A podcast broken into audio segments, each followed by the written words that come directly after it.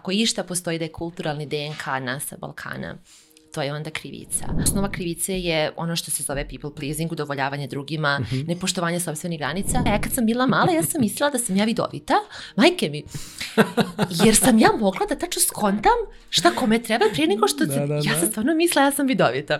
Ne, ispostavilo se da je ovaj, to relacijna trauma. Zdrava krivica je super, zdrava krivica ti kaže, hej, ti nisi u skladu sa svojim vrednostima. uh, nemoj to da radiš, promijeni svoje ponašanje.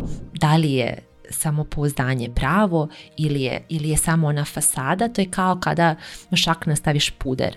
Ok, on će mhm. nešto da zamaskira, ali to nije trajno rešenje. Većina ljudi kod nas se menja sa mesta bola i potrebe, bola, aj tako da kažem, bolesti.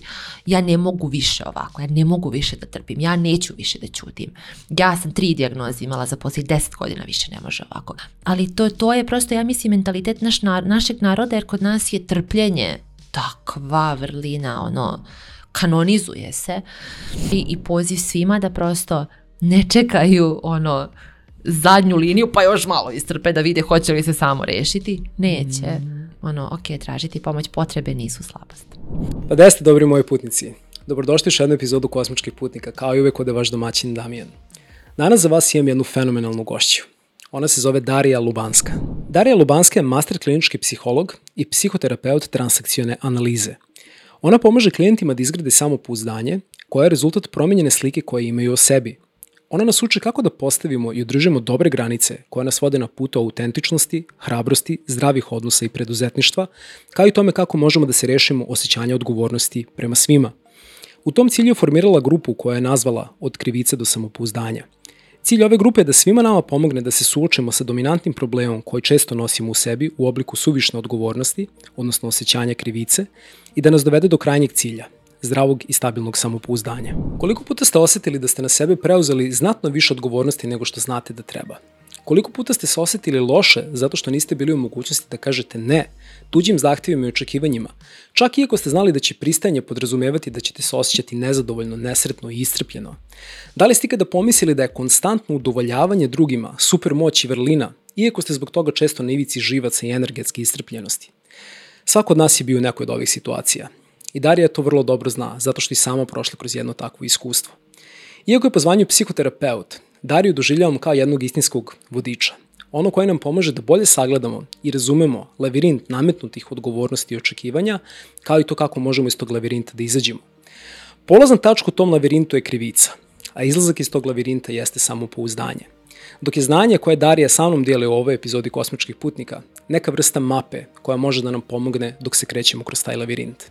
I upravo zato svima vama koji ste se ikada osetili da ste se našli zaglavljeni u jednom takvom lavirintu, Od srca predlažem da ovu epizodu odgledate do kraja. Ukoliko vam se dopada sadržaj kosmičkih putnika, postoje dva načina puta kojih možete podržiti nezavisnu produkciju i viziju ovog kanala.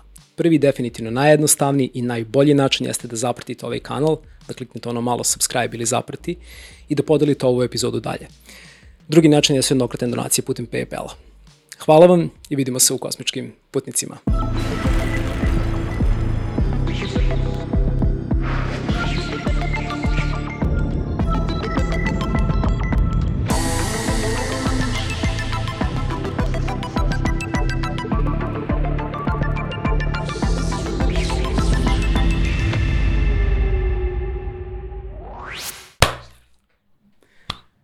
Darija, dobrodošla u Kosmičke putnike. Hvala, bolje ti našla. Dobrodošli u Beograd.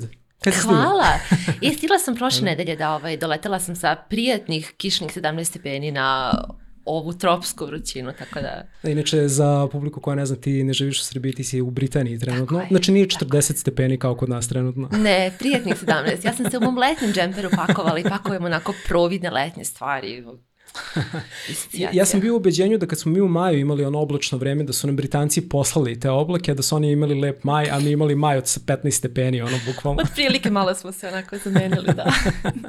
Sjajno, dobro mi je došlo. Ove, ovaj, I hteo sam, možda kažem, kada sam prvi put otkrio uh, za tebe i kada sam krenuo da se upoznajem malo sa tvojim radom, da se pripremam za ovaj razgovor, moram ti priznati da sam jedva čekao da napravimo ovaj razgovor, posebno zato što ti si um, ovaj, kao, mislim, tvoja psihoterapijska praksa je vrlo specifična i dopalo mi se, mm. mislim, da je vrlo važna, pošto si se posvetila tome da ljudima pomažeš da pređu taj put od krivice do samopouzdanja. Da. Sad, generalno, kad razmišljam o tvojoj branši, i generalno psihoterapeutima koji se odluče za određenu temu, uvek nekako imam utisak da je u terapeutovom životu najpre došlo do jednog dubokog iskustva i transformacije po pitanju te teme koju inače obrađuje i koju, s kojom kasnije radi i sa klijentima, u smislu da je on prvi nekako se suoči s njom i da je prevaziđe pre nego što krene dalje da radi s njom. Sad, da li je to bio slučaj takvi u tvom životu i zašto si se mm. baš odlučila za tu temu krivici samopouzdanja? Da, jer e, mislim da mi možemo da povedemo ljude onoliko daleko kako smo i mi stigli i e, definitivno većina nas to nekle projekte kroz naše teme. Moja priča sa krivicom i sa samopouzdanjem ide suštinski prvo iz granice iz people pleasinga, jer osnova krivice je ono što se zove people pleasing, udovoljavanje drugima, mm -hmm. nepoštovanje sobstvenih granica. Ja sam sa šest meseci života imala ogroman ekcem i, i niko nema ekcem u mojoj porodici, ekcem je ono kožno oboljenje, astmu, to su, to su autoimune bolesti i e, razvila sam ih baš kao beba. I pratila mm. su me ceo život i prvi put kada je moj akcent nestao kao rukom odnešen je bio kad sam se ja preselila iz grada u kom živim, ozbiljno počela da postavljam granice, prvi put stvarno izabrala šta sam htela. I čak ni tad nisam razumela šta se desilo, nego sam bila u fazonu, ma, bolja voda, bolji vazduh. Kao malo sam ja promijenila ishranu. A gde si živjela, gde si se preselila? Ja sam se odselila iz grada u kom sam rođena u Novi Sad, da. onda na kasnije na Kipar. Aha. I prosto sa, sa tim izborima gde sam ja počela da stavljam sebe na prvo mesto, da, da zaista upoznajem ko sam ja, uh -huh. um, tada je, je taj osjećaj dužnosti i, i te koregulacije koji suštinski nosi people pleasing, znači ja ću da regulišem tvoje emocije, ništa ti ne brini, um, ne, prosto poče da nestaje i to je počelo da bude jako vidljivo i onda kada sam ja ušla zapravo u terapijske vode i počela da razumevam sebe dublje, sam shvatila koliko je taj moment ja sam odgovorna, ja ću razumeti, ja ću pomoći, ja ću empatisati, koliko je to u, u genima, koliko je to duboko. Mm -hmm. I, I onda kada sam počela da radim i sa klijentima, zapravo videla sam da ako išta postoji da je kulturalni DNK nas sa Balkana, to je onda krivica. A samopouzdanje jeste nešto što dominantan broj klijenata sa kojima radimo odlazi. Mm -hmm. A, većina njih e, kaže da su iz, mog, iz našeg rada pokupili granice, regulaciju i samopouzdanje. Mm -hmm. I to stvarno mislim da jesu onako neke ključne, ključne veštine koje možemo da razvijemo da bi stvarno živali jedan kvalitetan mm -hmm. život i bili zdravi. U kom smislu si udovoljavala? Da li bi navela neki primjer? Kao, ka, kao šta, da, želo bih samo malo taj deo da mi mm. pojasniš. Da, baš imam jedan dobar primjer. Sećam se, uh, imala sam možda, pa ne više od 7-8 godina, uh -huh. uh, možda i manje. I sećam se, zvoni telefon i meni mama očima, ja sad znam šta to znači. I ja ostajem da se javim. Javim se i neko se predstavi ko zove i kaže traži moju mamu. Ja sam naučila da kažem, dobar dan, hvala lepo, ovde je uh, kuća Petrović, a samo da trenutak da ja pogledam da li je mama tu. I onda prekinem, onako zatvorim i kažem, mama, zovete. Pa kažem ko zove i ona kaže, izvinjavam se, ali mama trenutno nije tu. Da li mogu da uzmem neku poruku? Um, ja sam znala kada um, moji roditelji dođu uh, sa posla, mhm. po tome kako oni otvore vrata, po tome kako hodaju, kakvo je emocionalno raspoloženje. Tačno se znala ako tata lupi vratima, šta će da bude u kući. Tačno se znala kad mama posle posla legne i kao, oh, tako me boli glava to se znalo kakva se kafa kuva. Ja sam se šest godina kuvala najbolju kafu u kući. E i to je, to je ta vrsta udovoljavanja, to je ta vrsta koregulacije. Ako mami nije dobro, ja ću da pomognem. Ako je tata ljut, to se znalo, ja, ja tačno i sad mogu da osetim taj moment zaleđenosti u telu kad ja čujem da se lupe vrata, či znači, jeza me prođe skroz, sklanjaš se u sobu i zatvaraš vrata i ćutiš i nema, hodeš ko po jajima. I tonu klijenata sam čula da su iste stvari pričale, baš to. Ja po vratima znam šta nas čeka. I um, odrasli ljudi, roditelji u idealnom svetu bi sami sebe regulisali. Onda bi moj tata došao i rekao, ja sam imao težak dan na poslu, malo sam ljut, nisam zadovoljan, ali to nema veze s tobom, ti radi šta hoćeš, uzmi svoj prostor. Znaš, što bi bilo idealno. to obično tako ide. tako je. Da, da. Uh, da. Uh, ali pošto to tako ne ide, znaš, onda ja doživljavam da će moje emocije, moje potrebe biti opasnost. Jer ako ja nešto hoću, a tata nije dostupan, uh, ja mogu da upadnem u problem, znaš, izvikaće se na mene, e, poslaće me u sobu, reći će mi možda nešto što, što meni neće prijati. I onda ja, čak i kao dete, ulazim u taj moment koregulacije. Ja ću da se smirim da bi se ljudi oko mene smirili. Ja ću da se sklonim da, da bi bila bezbedna. Ja ću da prećutim, ja ću da progutam, ja ću da sačekam. I tako se javlja krivica, baš iz toga. Iz toga što se smanjujemo, što pričutkujemo svoje potrebe, što manjujemo svoje emocije. Iz toga se javlja taj osjećaj dužnosti i ugađanja, jer mi ne ugađamo drugim ljudima sa tog mesta krivice zato što ih volimo, nego zato što se plašimo. Zato što se plašimo za svoju bezbjednost, plašimo se nekad za njih, mm -hmm. uh, plašimo se da nas ne odbace, jer ako je moj tata ili mama došli su i nervozni su, boli glava, šta god, a ja baš sad hoću nešto, mm -hmm. neću ga dobiti, ali neću ga dobiti, nije da ga neću dobiti uz dobru granicu, nego ga neću dobiti uz odbacivanje. A za sve mhm. nas uh, odbacivanje je nešto što najviše boli i što je najgore za, za našu dušu i za psihu i mnogo je onda i meni kao detetu i, i mnogim klijentima s kojima sam radila mnogo je bila manja cena da se ja smanjem i progutam svoju potrebu i emociju nego da rizikam da budem ostavljena. Mm, da, da, da. I posebno ako to radimo malo duže vremena, možemo to da krenemo da smatamo i nekom vrstom vrline, da kao udovoljavamo. Joj, mislim da tu tek na onda dodatno mm prikrivamo u stvari tu neiskazanu potrebu. Tako je. Ove... Ovaj, to su sva ta dobra deca, to su ta starmala deca. To, starmalo dete je ono što se u, u, e, psihologiji zove parentifikovano dete. Znači, to je dete koje je odustalo od svojih potreba da bi bilo roditelj svom detetu. I ono što stoji iza je baš to. Ja, ja prećutkujem jer nije bezbedno da kažem to što mi treba. I onda se takvo dete hvali, vidi kako je ona dobra, kako je ona zrela, kako ona kuva kafu. Kako ona radi sve ono što ne treba da radi, ćuti i trpi i guta, majko mila. Ali baš to. E, i onda ti, e, ti kvaliteti u odraslom dobu se zovu što ja imam razumevanja za druge, što sam ja strpljiva, što ja mogu distolerišem. Da ja predvidim. Ja, ja tačno znam kad nekom nešto treba prije nego što, prije nego što će on reći, što se zove simbioza. Ali isto ja, kad sam bila mala, ja sam mislila da sam ja vidovita, majke mi, jer sam ja mogla da tačno skontam gledam šta kome treba prije nego što... Da, da, da. Ja da. sam stvarno mislila, ja sam vidovita. Ne, ispostavilo se da je ovaj, to relacijona trauma. relacijona trauma, šta ona mm. točno predstavlja? Relacijne traume su povrede u odnosima. Mhm. Znači kada mi u odnosu ne možemo da budemo to što jesmo, nego moramo da igramo neku ulogu ili nešto pričutkujemo, nešto potiskujemo da bi zadržali odnos. Jer za nas ka, kao male je... Um, životno važno da zadržimo odnos. Mm -hmm. I tako je po cijenu mog identiteta ja ću da zadržim odnos. I tako se stvari relacijone traume. Svaki put kad ja progutam neku potrebu, mm -hmm. prećutim neku granicu, uh, odnos naprsne. Naprste i naprste i naprste malo. I sad, uh, generalno, odnos se sastoji iz toga što se na engleskom zove rupture and repair. Znači, on naprsne pa ga mi popravimo, naprsne pa popravimo. I kvalitet odnosa određuje koliko dobro ga popravljamo, ne koliko puta pukne. Mm -hmm. Ali u većini re, uh, ono kako nastaje relacijone traume tako što odnos ne bude popravljen, a ja se sve više identifikujem sa onom predstavom koju sam napravila da bih zadržala odnos. I to onda postane identitet i ja onda Aha. postanem dobra osoba, strpljiva osoba, negujuća. A joj, ja se ne ljutim. Ja sam tako dobra i, i fina i naš ono, puna razumevanja i samopouzdanja. Um, a ono iza zavese. Pocepano pocepano, um, loše zdravlje, um, nesvest o sebi. Mislim da se zapravo najviše na zdravlje to, na fizičko zdravlje se to odrazi. U kom trenutku si shvatila da ćeš da kreneš onda tim putem psihoterapije? Jer imala si, to da kažem, to izazovno iskustvo dok si bila mlada u okviru i same familije i nekih još drugih odnosa na koje si nilazila. Kako izgleda taj moment kada Darija shvata da će da bude terapeut? Ja se sećam kad sam u jednom momentu rekla moje ped, pedija, lekaru, pedijatru, pedijatrici, mm -hmm. um, kao ja bih volala da idem na psihologiju, ona je rekla, jo što je to lepo, razumeš sebe, razumeš druge.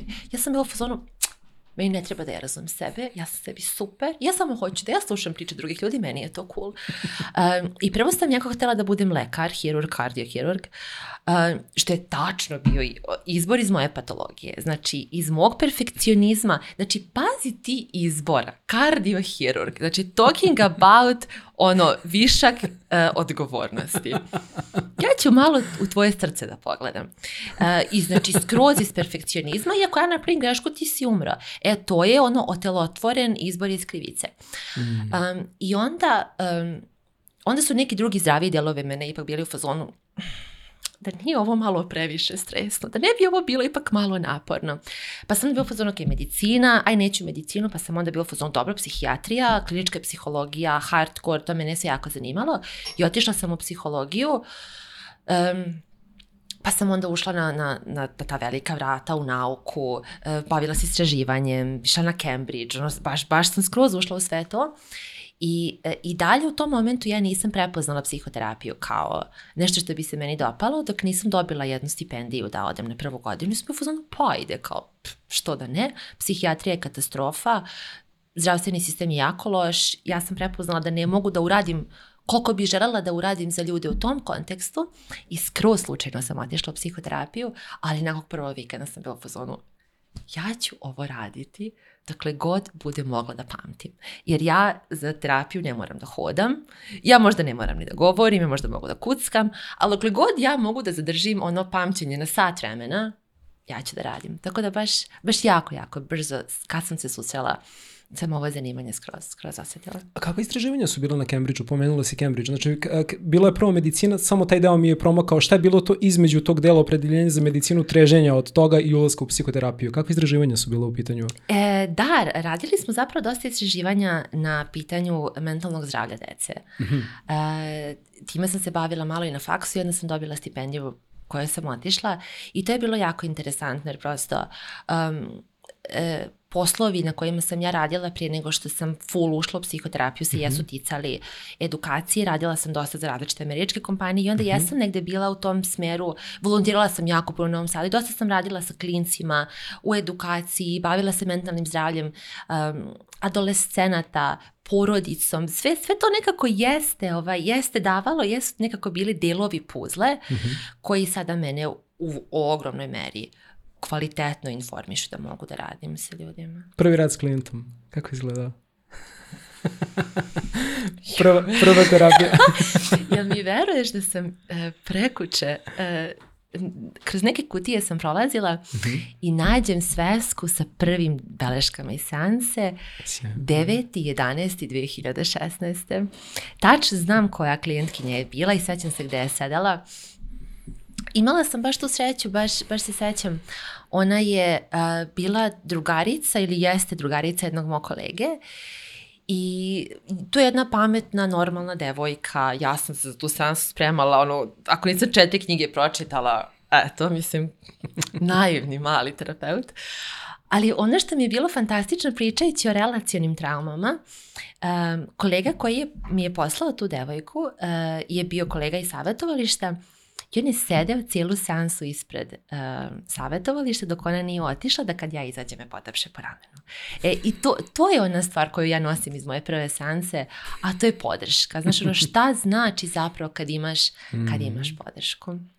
Da, a šta je, šta je bila tema? Baš me zanima a, tema, tema same seanse. Uh, ona je bila neko ko je... Uh, danas bi se to zvalo ADHD. Uh, eh, brza, fokus na sve strane, ne može se smiri, stalno neki grč u stomaku, ne zna na šta se fokusira, uh, odnosi nikako da ih održi granice, to je ono što se u translativnoj analizi zove požuri driver. Znači ja sam na sve strane, ja sam ubrzana, niko se fokusiram, sve radim paralelno i njeni ciljevi su baš bili kako, kako da prosto naučite se smiriti. Znači se sećam ovaj, nekih, nekih stvari mm -hmm. koje smo kroz neke vođene fantazije koje ona crtala. Sećam se da mi je jednom donela na seansu postit na kojem je nastala puža i, ovaj, i rekla je da je on stoji pored, pored ekrana na poslu. Tako da, to je, to je, to je bila moja prva klijentkinja. Sjajno, hvala ti što si podelila prezanimljivo. A, polako sad dotičemo i tu generalno temu našeg današnjeg razgovora koja se odnosi na krivicu i na samopouzdanje mm. i pošto smo to pisali kao neki put, sad bih volao da se pozabavimo malo tim početkom, mm. odnosno krivicom. Šta u stvari sa stanovišta toga čime se ti baviš, izučavaš, predstavlja krivica i u čemu se nalazi njen koren? Mm. E, ja o krivici razmišljam kao o višku odgovornosti.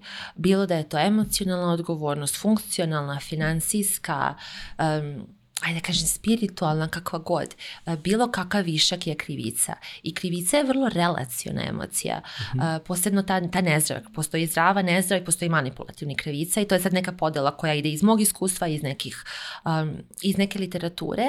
Zdrava krivica je super. Zdrava krivica ti kaže, hej, ti nisi u skladu sa svojim vrijednostima. Uh, nemoj to da radiš, promijeni svoje ponašanje.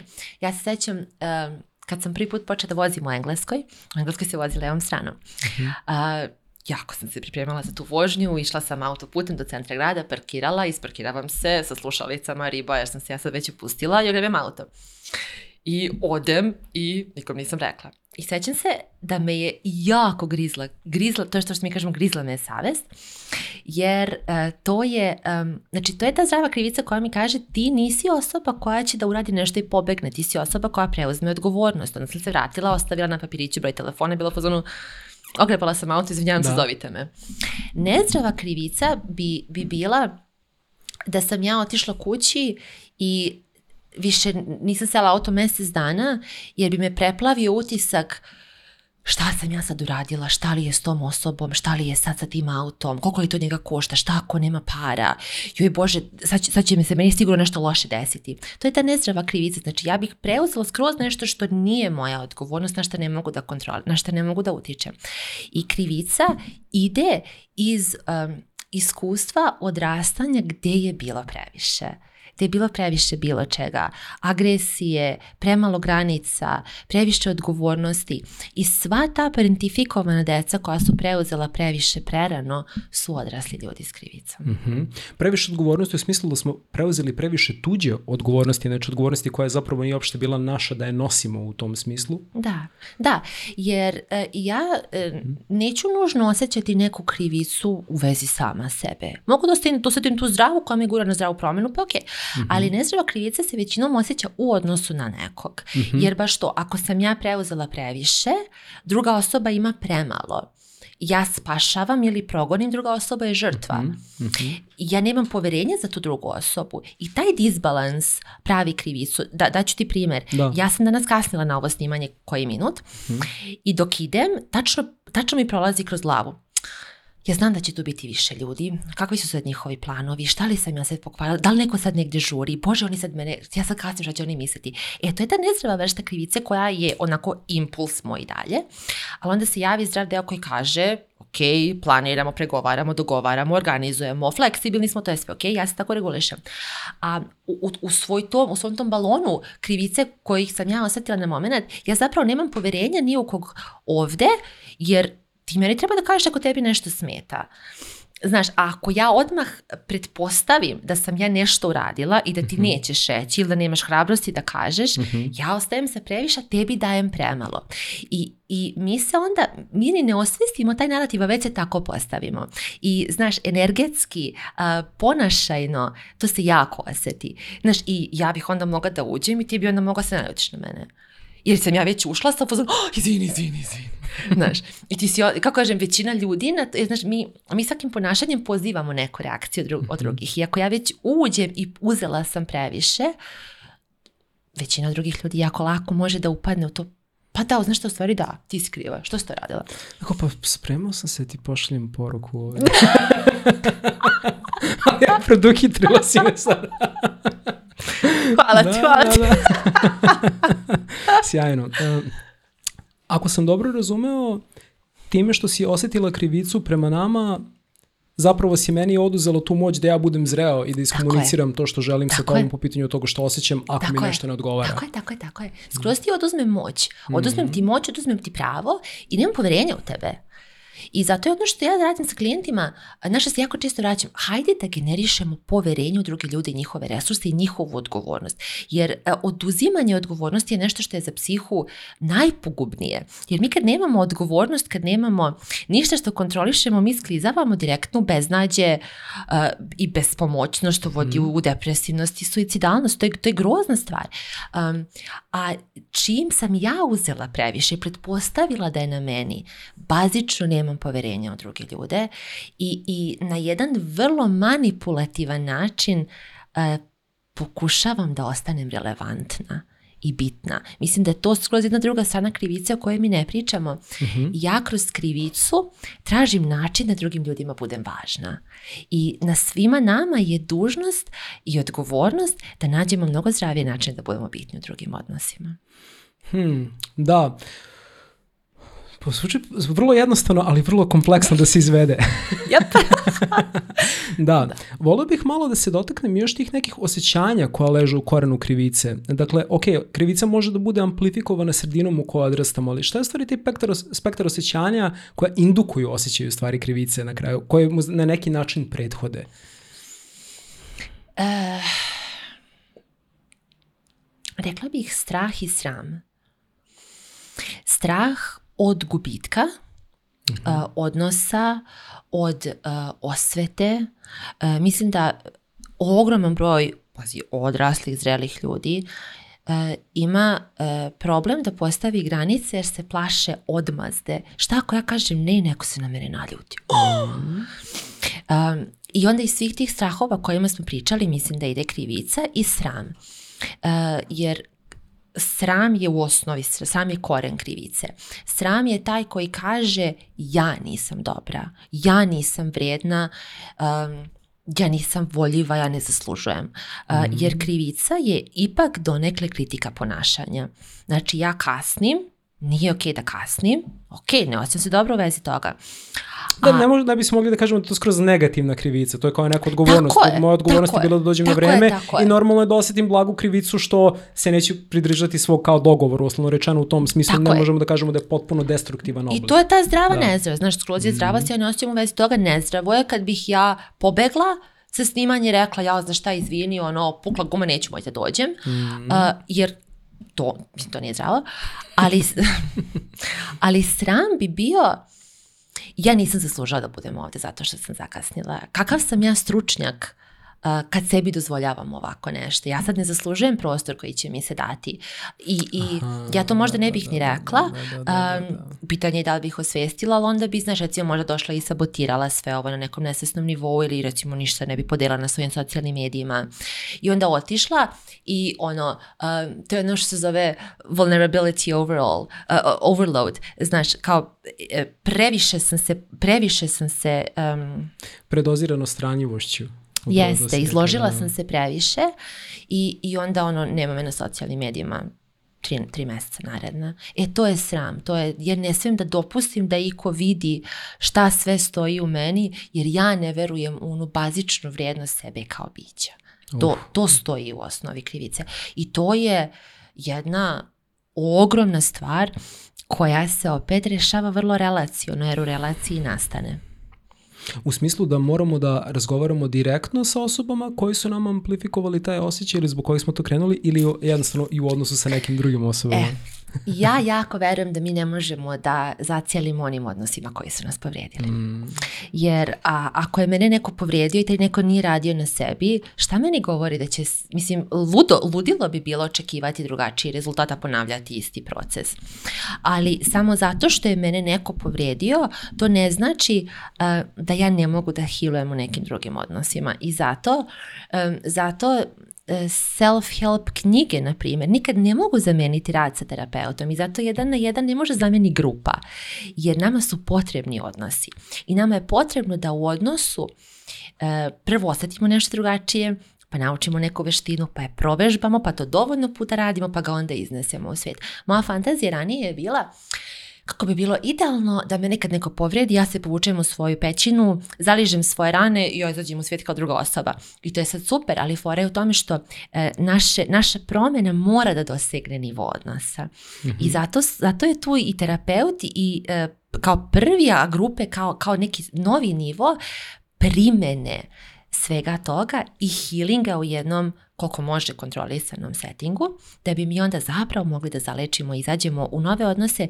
ali se onda novim odnosima ponašamo drugačije.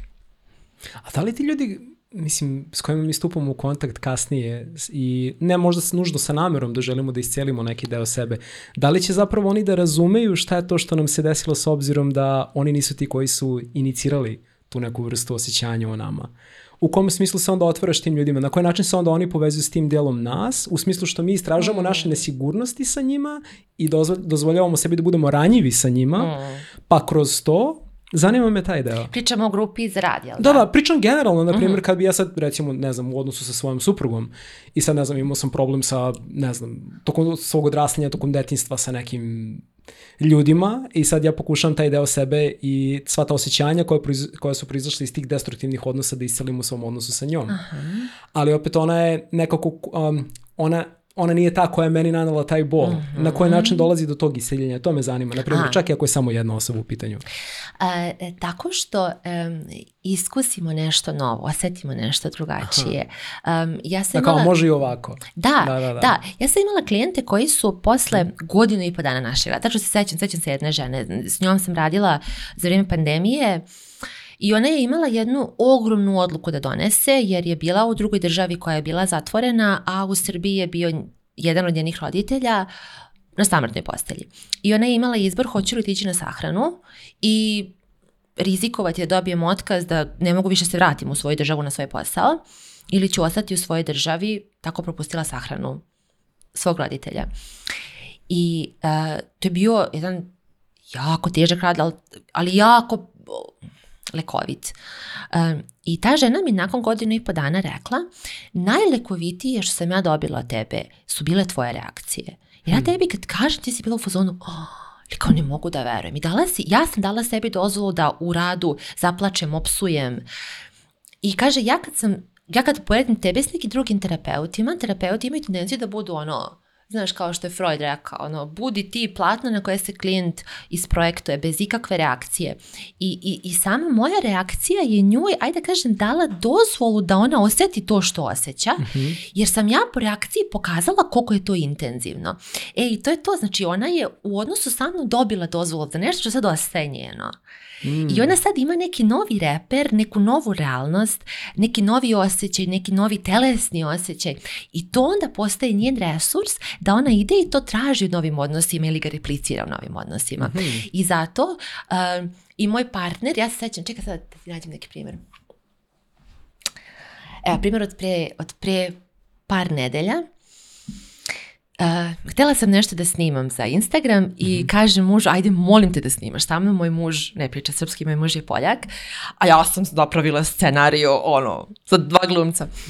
I uh, I on neće, i neće, i smara ga. I sad ja znam da ga smara, to nije njegova vrsta zabave. I došao je dan kad smo se mi dogovorili da ćemo snimiti i on kaže dalje ne mogu. I šta se dešava? U meni se aktivira relaciona povreda, ja se osjećam odbačeno. Ja sam u momentu bacila viljušku tanjir, ustala, bila u fazonu, dobro, ne trebaš mi, ne zanima me, u redu, nikad ti nisam važna, ništa što ja hoću tebi nije važno ja počinjem, ja počinjem da plačem i on gleda u mene ovako i ja počinjem da slušam šta ja pričam. Mm -hmm. Ja ti nikad nisam važna, ništa što ja volim tebi nije važno, ti mene odbacuješ. I onda sam se sklonila i sela u sobu i kao, ok. I on je došao posle 10 minuta, što je opet recimo meni sa njim novo iskustvo da neko dođe po mene ranije u kući kod nas kada bi se s nekim posvađali, tome se više ne bi pričalo, ti odeš, smiriš se, ne pričamo par dana i posle toga kao se ništa nije desilo. Mm -hmm. Ja nemam tog iskustva da neko ode za mnom. I on je došao i seo i pogledao me i nasmeo se. Ja sam se nasmela i bio fazon, jesi okej? Okay? Pa rekao, jes. Kao, no što, čini mi se da ova tvoja reakcija nije bila ono kao u vezi sa mnom. Pa rekao nije. I onda je rekao, ali ja tebe mnogo volim, znaš to? Pa rekao, znam. I onda me zagrlio i pomazio me po leđima i rekao je, samo plači. Ja, ja, ja to nisam iskusila pre njega u odnosu. I to su sad dozvole i to je sad skroz nova vrsta povezanosti i bliskosti koju ja osjećam, koju onda ja mogu da idem i tražim dalje od ljudi ili dajem drugim ljudima I, mm. I hmm. onda je to kako je zapravo, eto, odnos sa njim zalečio skroz neke relacijone rane koje ja nosim, a da to sad više nema veze sa onim ljudima koji su meni rane naneli. A ja imam sad novi resurs, tako da ja kad uđem opet nazad u odnos sa tim ljudima koji su me povrijedili, ne možemo mi svaki odnos da prekinemo, bomo moralno, mm -hmm. mislim, mhm. možemo, ali nekad nećemo i to je okej. Okay. Um, ja sad imam prosto neku vrstu unutrašnje emocionalne granice da ja znam da to što ti ljudi rade više nema veze sa mnom, jer imam resurs koji sam izgradila u tom odnosu. Fantastičan primjer, baš hvala, mm. hvala ti što si podelila, Moj. da ima savršenog smisla. Baš me zanimalo ta dinamika kako funkcioniše. Šta bi onda u tom smislu mogli da damo kao neki savet ljudima koji trenutno osjećaju ogromnu količinu krivice, da, mm. da prihvate pre svega to i da onda pokušaju da to komuniciraju, mislim možda ne sa ljudima kojima to izazivaju, znači da, da li neka, neka vrsta rešenja onda za krivicu pronalaziš u tome da ljudi postaju malo otvoreniji? Mislim da je prva stvar uh, da mi jasno imenujemo šta osjećamo. Nedavno sam bila na jednom okupljanju mm -hmm. preduzetnica, to su mlade, pametne, ambiciozne devojke, fantastična jedna ekipa. I slušam ih, majke mi se u jednom momentu uzela da lupam recke ovako, koliko će koja puta reći griza me savest. A to uopšte ne, ne registruju šta pričaju. To je to, mi, mi ne kapiramo zapravo da je to što osjećamo krivica. Mi se sada bavimo, generalno rekla bih, um, um, tendencije u psihoterapiji, ono što je sad mhm. cool, mi se bavimo veštinama, bavimo se granicama, bavimo se asertivnošću, sve su to jako važne veštine. Um, ali mi ne, ne kapiramo šta zapravo stoji u dubini svega toga. Mm-hmm. I mislim da je prva stvar, ajde da prepoznamo i da nazovemo pravim imenom šta se dešava. Onda prihvatanje u smislu ja ću sama sa sobom da uvažim i sama sebi priznam šta se dešava izgradit ću veštine koje su mi potrebne. Ja mislim da su veštine, neophodne veštine su postojanje granica, emocionalna regulacija, mm-hmm. um, i onda idemo u samopouzdanje. Jer baš um, kad smo se ti ja prvi put čuli, mnogo me i taj razgovor inspirisao i baš sam o nekim stvarima nastila da razmišljam. Mm -hmm. Samopouzdanje kao antiteža krivici je za mene ne nužno ono shining presentable samopouzdanje, ja sad ono reflektori, aplauzi, nego ja znam da ću ja biti tu za sebe. Samo pouzdanje. Ja sam pouzdana u sebe. Ja znam da ću ja sebe zaštititi. Samo pouzdan. Vidiš, nisam to nikada tako povezao, a ima Da, da, da, da, da. pouzdana sam u sebe, smisla, da. ali ne, u, ne nužno u svoje veštine. Mislim da je to prvi nivo, ja verujem da ja nešto mogu da uradim. Ali drugi nivo, ja ću biti tu za sebe, ja ću sebe ponegovati, zaštititi, skloniti situacije koja mi ne prija, ja neću dodatno sebe kritikovati, jer ako, ako ja odem kući i mene neko odbije, um, ja se osjećam povređeno. E, ali da ja nemam tu vrstu samopouzdanja, ja bi otišla u sobu i ruminirala nad idejom Tako mi treba. To je zato što sam ja nevoljiva. Da sam se ja malo više potrudila, ne bi me odbacili sad ljudi. Mm -hmm. A samo pouzdanje je to kad ja odem u sobe i ne kažem, Darija, ovo nema veze s tobom. Ti si okej, okay. ti si super. Ti Kao si... samo podrška na da, neki način. Da, da, da, da, da jer iz, iz te vrste samo ljubavi i davanja sebi dozvole na važnost, kad se na to naslone granice, emocionalna regulacija, mi smo onda super. A ako mi gradimo veštine, nemamo osnovu, Mogu te veštine da urade nešto suštinski, ali mislim da onda nemamo održive trajne promene. Delo je da to donekle iziskuje solidno visok stepen introspekcije. E, šta želim da kažem? U smislu nekada e, sredina u kojoj se nalazimo može zaista da nam skreće pažnju da ne radimo nešto kako treba, a da mi onda odemo u sobi i kažemo sebi ma nema, super sam ja, oni nisu pravo i da zapravo uđemo isto neku formu deluzije. Mm. Kako možemo da izgradimo tu neku vrstu E, zdrave introspekcije po toga da li smo zaista u pravu ili nismo u smislu kad se trebamo, trebamo sebi da budemo, da, odnosno u tom smislu e, da ne budemo toksično samopouzdani, već zdravo samopouzdani. Sad da ti kapiram šta me pitaš. Da, e, jer u, u transakcijonoj postoji nešto što se zove životne pozicije i postoji ta plus plus pozicija, ja sam ok, ti si ok, a postoji ta plus minus. Mm -hmm. Ja sam super, svi vi ste budale. I um, Mislim da je to proces prosto. Mm -hmm. Svi mi recimo to što si ti sad opisao meni je bilo blisko za neki tinejdžerski period kad sam mm -hmm. ja mhm. tako ono, to je to ono eh, buč samopouzdanje, znaš, na mišići. Da, moš samo svi Ma da, ono, niko ne da, zna, da, da, sve da, čeka da, samo da. mene.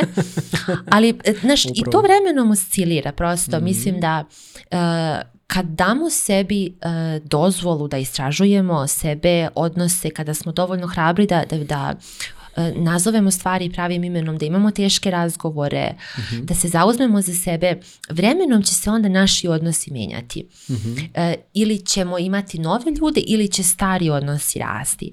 I onda kroz sve to mi ćemo zapravo vremenom iskontati. Pa čekaj, šta nije u redu sa mnom ako ja ne mogu da držim prijateljstvo duže od šest meseci. Uh mhm, -huh. Ili ja imam troje ljudi u ovom momentu za koje znam da bi mogla da ih nazovem i da pitam, e, sam lupila, ja ne pregledam, šta, baš si lupila I ok sam s tim, isto bih ja to mogla njima mm. da mhm. kažem. Tako da e, mislim da e, je to samo prosto posledica e, dovoljno iskustva. Odrastanje i zrelosti. Tako je. Da, da tako da, je, Jednostavno je. mora da prođe malo vremena. Mm. Zanimljiva jedna stvar mi je bila za krivicu i sram, uh, isto koje bih volio da se dotaknemo, a to je da verujem da postoji jedno ključno pitanje koje bismo sebi trebali da postavljamo kad smo u tim stadijumima. To je šta je to što krijemo? Jer nekada osjećamo mm. krivicu i sram kada ne, ne samo da nužno nas neko trigiruje sa nečim, već i krijemo nešto i od sebe i od drugih. Zašto? Mislim, to je sad onako ovaj, vrlo, ovaj, jedno, jedno možda onako uopšteno pitanje, ali a, ga svi, mislim, svi, svi donekle u, u manjoj ili većoj meri patimo od njega. Mm. Zašto imamo toliku tendenciju da krijemo stvari? U smislu da misleći time što ćemo da sakrijemo nešto da će nam zapravo biti dobro i uh, Koji je zapravo efekat jedne takve tendencije na naše emotivno i mentalno zdravlje? Efekat je da mentalno zdravlje truli iznutra. Mm. Um, e, da, ja kad sam pokretala grupu, par ljudi me je pitalo, pa eto, ovaj, kako ćete vi da da ovaj, osigurate um, privatnost ili, ili nešto tako. I to je onda odvilo čitavu tu temu e, tajnosti i, i, u, i u meni. Tako, e, šta krijete? Da, da, da, da, odmah sam ga na to prebacila. Hajde da mi vidimo zašto vi investirate u to da stvari ostanu zaštićene, odnosno sklonjene, da mi ne pričamo o tome. I ajde da vidimo onda šta je to što bi vi idealno sklonili od svih ljudi da niko ne zna. Um, hmm. I te stvari koje mi krijemo, to je ono što, što formira senku suštinski, jer svi mi um, imamo svi smo mi, svi mi imamo različite spektre različitih osobina. Um, ali neke od njih nisu socijalno prihvatljive. E, I posao naših roditelja jeste da nas um, vaspitaju tako da mi budemo funkcionalni članovi društva. Mm -hmm. I mi onda moramo neke stvari da sklonimo iza scene, u ono što se kasnije zove senka, um, ali ako, je, ako, ta, ako ta zavesa nije prozirna, nego je čelična. Um, ja to tako zamišljam. E, senka onda postane puppet master. Znaš, znači ono izbaci e, žicu i onako upravlja nama na toj sceni, a mi se pitamo kao šta sam se ja istrigerovala, šta mi bi. Um, I što više mi stvari sklonimo iza zavese, to manje energije imamo za sad. To je kao kad lažeš. Kad mm -hmm. lažeš, tebi ogromna energija ulazi u to da ti zapamtiš šta si kome rekao, kako je logistika, ko šta zna. Da tonu detalja obraćaš pažnju i... Um, toliko energije koja može da bude ukorišćena za kreativnost, za autentičnost, za ljubav, za povezivanje nje više nema. A fora je što sve što ode iza te čelične zavese, senke mhm. i krivice, postane čudovište koje zapravo ima tendenciju da izađe i lupa i lupa. I mi se onda mhm. počnemo plašiti. I to počne da metastazira iza te zavese. I, i zaista što je ono veće, mhm. odlači nam više energije i manje je nama nas ja više nisam ja, ja sam sad jedna preplašena osoba koja samo mora da osigura to što je iza zavese ne izađe, da ga niko ne vidi. Jer šta će misliti o meni ako me vide? Mm-hmm. I mhm. onda se opet vraćamo to, odbacit će me, neće me voleti, skontaće koliko sam ja nevoljiva, bezvredna, šta god i onda svu energiju uložimo samo u to da to ne izađe i onda tu nema, nema svih onih stvari koje su na vrhu maslovljeve piramide, ono samo aktualizacija. Mm-hmm. Nema kreativnosti, nema daj da ja budem sve što mogu da budem, nego se svedemo na to daj samo da preživim. I to je osnova srama i to je jedno jako neprijatno iskustvo života, baš jako. A opet u njegove, upravo to, sve vreme se vrtimo oko tih polariteta, strah, sram, strah, mm. sram Što je na neki način i smisleno, jer odbacivanje je doslovno značilo smrt u Tako starim je. vremenima. Tako Ove, ovaj, je. I onda verujem da to duboko je to u nama. Yes. Duboko je to u nama. Ali šta je zanimljivo, ako uspemo da pravimo te neke male triumfe, ja gledam po svom životu, mm -hmm. kada sam nešto pokušavao da krijem, Uh, I kad onda to izađe na neki naj, najspontaniji, uh, neočekivan način, onda kad je trebalo, mm a ti na to možda nisi bio spreman i nisi, mogao, nisi imao vremena, e, stvarnost je postavila tako stvari u životu da nisi imao vremena da napraviš sistem reakcija kako ćeš ti da se ponašaš ako do toga se dođe. Da. da. Već ti je bukvalno bilo servirano kao ono pito u facu mm. i onda je to izašlo na videlo i ti onda u jednom trenutku shvatiš da u stvari nije toliko strašno. Zapravo, čak i ako mic po mic radimo na tome da otkrivamo stvari, naravno ne možemo to da radimo sa svima, ali sa nekom osobom u kojoj zaista imamo poverenja. Tako je to je toliko oslobađajuće. Mm. Jo, kao sve je okej, okay, kao ništa se nije desilo. Šta? da. Pa, tako deklimaktično, da, da. Jeste, da, jeste, bukvalno. jer baš to. Jer mislim da ne zaslužuju svi pravo da čuju sve elemente naše priče. Mm. Ja neću strancu na autobuskoj stanici da ispričam sve, mm. um, ali ima ljudi s kojima ću biti vrlo iskrena i vrlo otvorena. I baš to, kada oni odreaguju tako, kada nas prihvate, kada mi kažemo nešto, baš to, reakcija koju sam pričala malo pre ispred mog muža je bila vrlo jedna ranjiva, nekontrolisana reakcija koja je išla iz moje povrede. Ne iz toga što sam ja obesna. Um, I ta, ta ja koju je on video, uopšte nije ja koju ja volim, na koju sam ponosna, koju bih prezentovala javno. I kad on mene i takvo prihvati, ja sam zalečena. I to su onda ta, to, to, to je taj moment e, reparacije odnosa popravka koji postaje E, to se u terapiji zove korektivno iskustvo, znači nešto što u velikoj meri sad promeni dalje tok mog života i nakon takvih iskustava mi više nismo isti. I to je, to je prelepost i, i tome i služi grupa, meni je to bilo fantastično. Par ljudi je u jednom momentu reklo, ju ja nisam tela da se javim jer sam mislila da je moj problem kao nije dovoljno važan, nije dovoljno veliki. I sedam ljudi počne da plače u istom momentu kao ja isto. I, I to je to. Nama je stvarno potrebno prepoznavanje jer mi, znaš, u strahu su velike oči, to se kaže s razlogom. Um, kad god postoji prostor koji je nama nepoznat, um, mozak kreira priče, a iz evolutivnog aspekta kreira najgore priče. I mi u njih verujemo jer mi ne znamo šta je, e, toliko se uplašimo toga što nama deluje kao realnost da ne stignemo da ga testiramo. Ali kada ga testiramo, e onda imamo prelepa korektivna iskustva i tako se onda i gradi to samopouzdanje jer se stvori sad set iskustava koje ne može mozak da pobije, jer, brate, realno on me nije odbacio, znači sigurno nisam toliko, toliko strašna, I onda, i onda to meni bude resurs da, da i sljedeći put budem, možda mogu da kažem, pa ću još jednom reći, pa ću mm. onda još jednom reći, pa ću još jednom reći. I onda je to posle određenog broja ponavljanja sad već nešto što je stabilno u nama. Da, ve, mislim, meni, meni vrlo zanimljiva tema i recimo kad je samo pouzdanje u pitanju, to sad razmišljam koliko generalno svi mi mučimo muku sa tim samopouzdanjem. Mm. I sad već smo krenuli polako da skiciramo, skicirali smo krivicu, ali sad bih volao malo da se prešaltamo na samopouzdanje kao na konačno odredište. Deluje mi da to ovo čemu ti sad pričaš nije baš ona forma samopouzdanja koja nam se servira kroz filmove ili kroz socijalne medije. I volio bih tu malo još samo znači, dodatno da skiciramo tu razliku između tog jednog toksičnog samopouzdanja mm. koje nam se servira i ovog zdravog. Da napriš malo skiciramo razlike šta je karakteristično za jednog, a šta za drugo.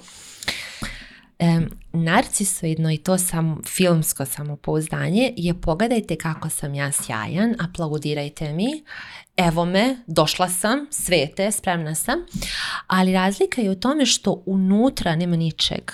Mm.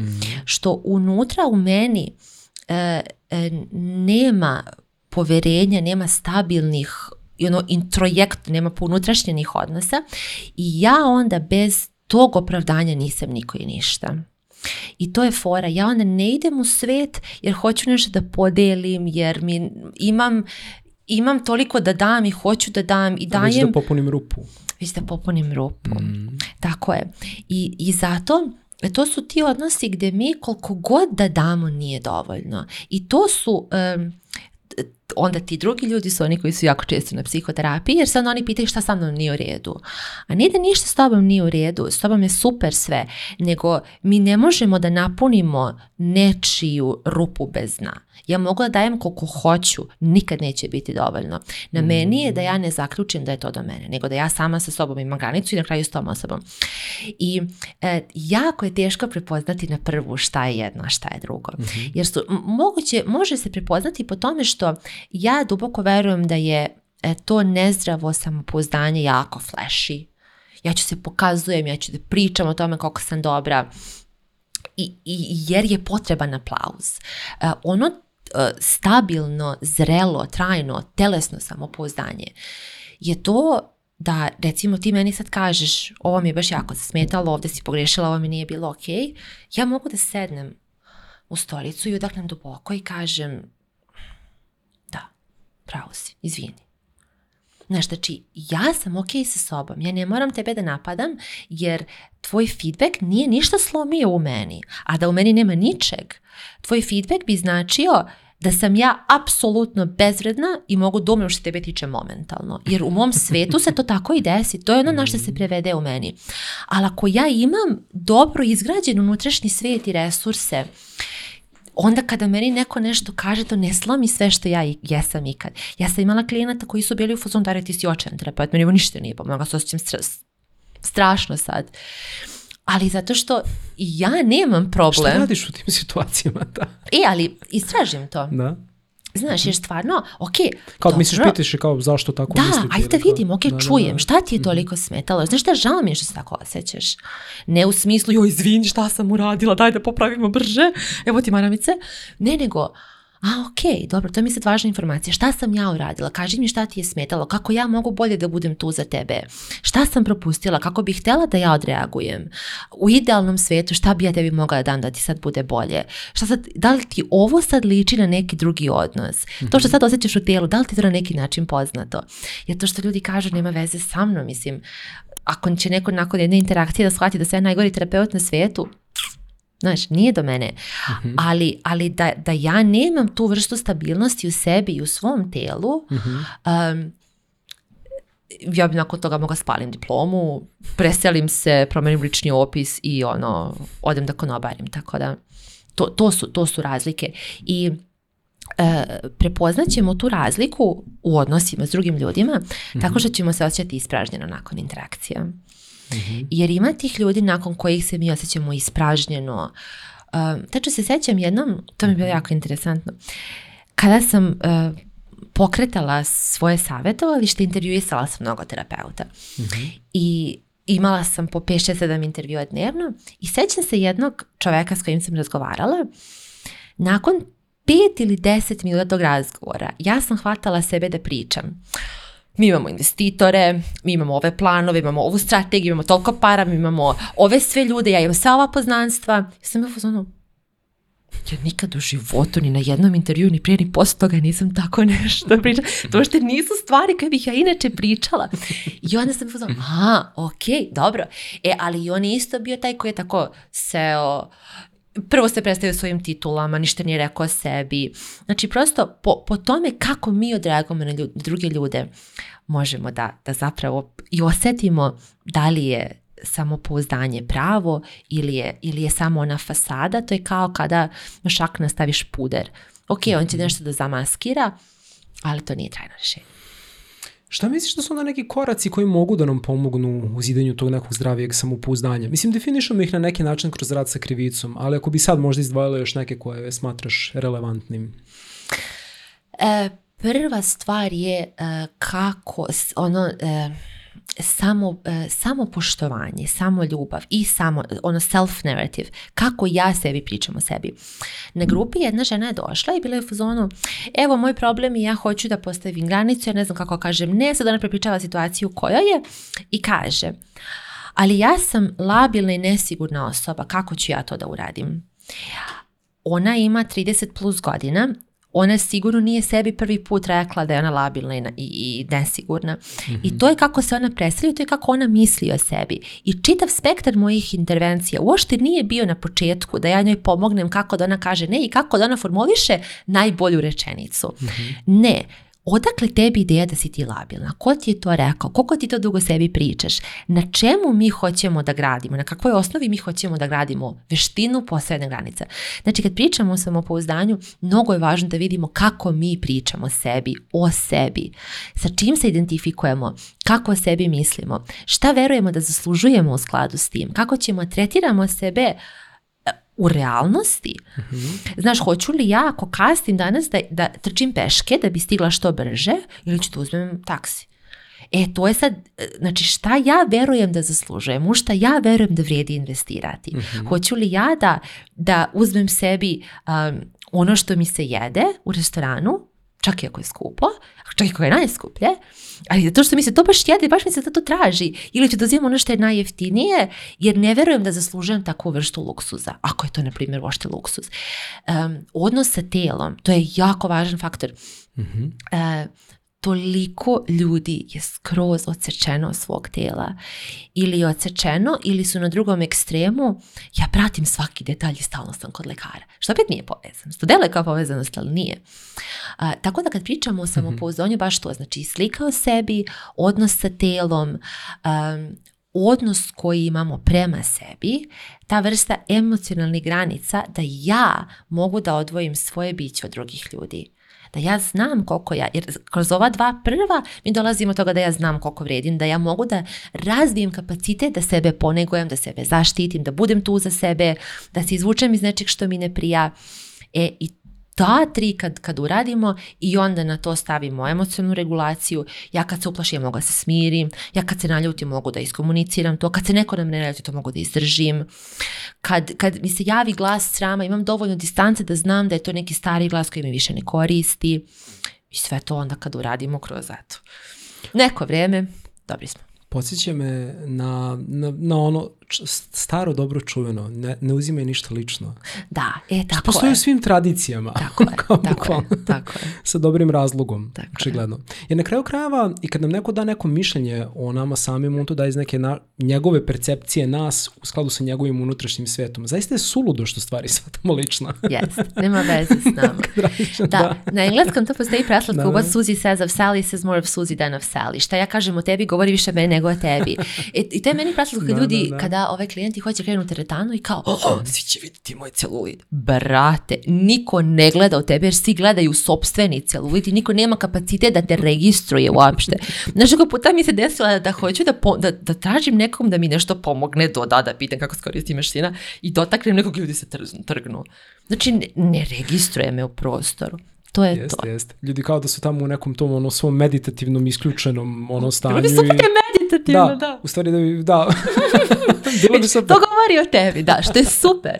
Ali zapravo ja mislim da je većina ljudi samo preplavljeno da, da, da. sobom. Ne. Pozdrav za sve ljudi iz teretane, znam da ste u meditativnom stanju. Da Iako toga možda neki nisu svesni. Ja, sjajno. Šta misliš da su neke od najtipičnijih grešaka, eto recimo u, u tvojoj praksi, pošto si kao neka vrsta vodiča, jel, koja ljude vodi od te destinacije krivice ka samopouzdanju, to su neke greške koje su možda tipične za taj neki put, um, koje često primećuješ da potencijalno klijenti prave? Da. Super mi je što se vraćaš na vodič. Moja stranica se zvala vodič kroz psihoterapiju pre Aha pre e, nego što sam, ja dovoljno stekla samopoznanje da se zovem svojim imenom. E, greške. E, krećemo s polja. Mm-hmm. Krećemo baš to. E, ako se osjećaš, to je, to je meni, ja, ja jako sam ambivalentna u vezi te tehnike. U KBT-u postoji tehnika koja se bukvalno zove fake it until you make it. Šta je KBT za ljude koji ne znaju? Uh, e, kognitivno-bihevioralna mhm. psihoterapija. Mm-hmm. Dobro. Hvala ti na tome. Mm-hmm. Um, tehnika koja se zove fake it until you make it. Ti radi i ako ne veruješ, dok to ne postane tvoja realnost. To deluje da nekada radiš, što je najčudnije. E, zato sam jako ambivalentner u znači, fazonu. Ja isto, meni je to ono, ne mogu da ga diskreditujem do kraja, jer kao, da, jer, znaš, šta je starije kokoška da, ili jaje? Da li ja da. prvo moram da verujem ili moram da uradim da bih verovala? Da, da, da, da. Ne vrlo, vrlo je delikatno. Jeste. Da, da, da. Ali e, mhm. to, e, e takav promišljen stav je okej. Mm-hmm. Ako mhm. sam ja to promislila. Ali nepromišljen, neosmišljen mm-hmm. je onda dovede do te greške, a to je ja ću da razvijem samopoznanje tako što ću se nabildujem, tako što ću da kupim skupe stvari, tako što ću da vozim žestok auto, tako što ću da imam ono, dijamant koji košta koliko stan. Nema veze što ono, imam Hashimoto, operisala štitnu žlezdu i imam 50 kila zato što, ne mogu, zato što moj, moj želudac ne može više ništa stvari što od njega stavim. E, to je fora. Mislim da je ogromna greška to što hoćemo unutrašnju promenu krećemo s polja. Znaš, imamo lepu fasadu, unutra u kući istrujila konstrukcija, nema temelja, ono gradiš super kuću na močvari. Odlično, ja, good kupio sam BV, ali nemam za benzin. Da, da. Odlično, to je to. To je to. E, da. krećemo s polja, E, i krećemo od veština. Mm -hmm. I mhm. to je opet, rekla bih, jedna stvar koja can only get you so far. Može sam, ono, samo donekle da nas pomakne u toj promjeni. Ali sve češće vidim da ljudi dolaze uh, uh, sa željom da što brže nešto reše, ako može da dve konsultacije, mm -hmm.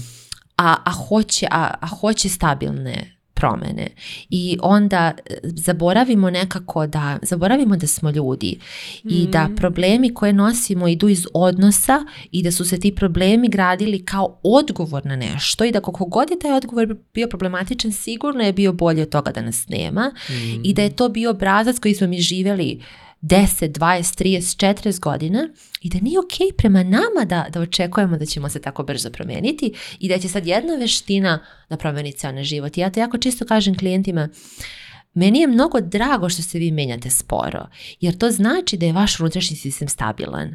I da kad mi onda izgradimo nešto novo, to novo će biti stabilno. Meni kad klijenti posle mesec dana dođu preporođeni, ja se prepadnem. Jer to mhm. je ono, otišli smo drugi ekstrem, sad je super, sad je fantastično, ali iz toga se vraćamo dublje nego na tačka mm s koje smo mhm. počeli, kao ono dijete, znaš, joj, jo, ti se ne vratiš na svoju, nego odeš još dublje. Da, u stvari to su te ekstremne oscilacije i sad baš to kad si rekla slušao sam te pažljivo vezano za to da imamo tendenciju da uzimamo, da kupujemo određene stvari i da pokazujemo to jesu neka vrsta signala i simbola koje mi šaramo kasnije u svet koji privlače nove odnose, kakvi će ti odnosi da budu? Jer upravo to, mi u nastojanju da izgradimo samopouzdanje zapravo sebe dodatno u kanališ, mislim, mislim zapravo sebe više još u ukanalimo, to sam teo da kažem, mm. samim tim što na pogrešan način se trudimo da privučemo pažnje, vrlo je izvesno da ćemo u svoj život privući nove odnose i nove osobe s koje ćemo zapravo imati, zapravo ćemo samo produbiti tu neku agoniju u kojoj smo potencijalno već ušli. Pa, izašli? Pa, mislim da si odgovorio na pitanje, baš to. Uh, mesto s kog ja krećem, jer nesvesni deo psihe je mnogo veći nego svesni. I mi nesvesno komuniciramo mnogo više nego svesno. Uh mhm. -huh. I ako ja krećem u samopouzdanje tako što ću da kupim jaguara, uh -huh. a mhm. nemam para za hranu. Um, Kao ni kavez, znaš ono.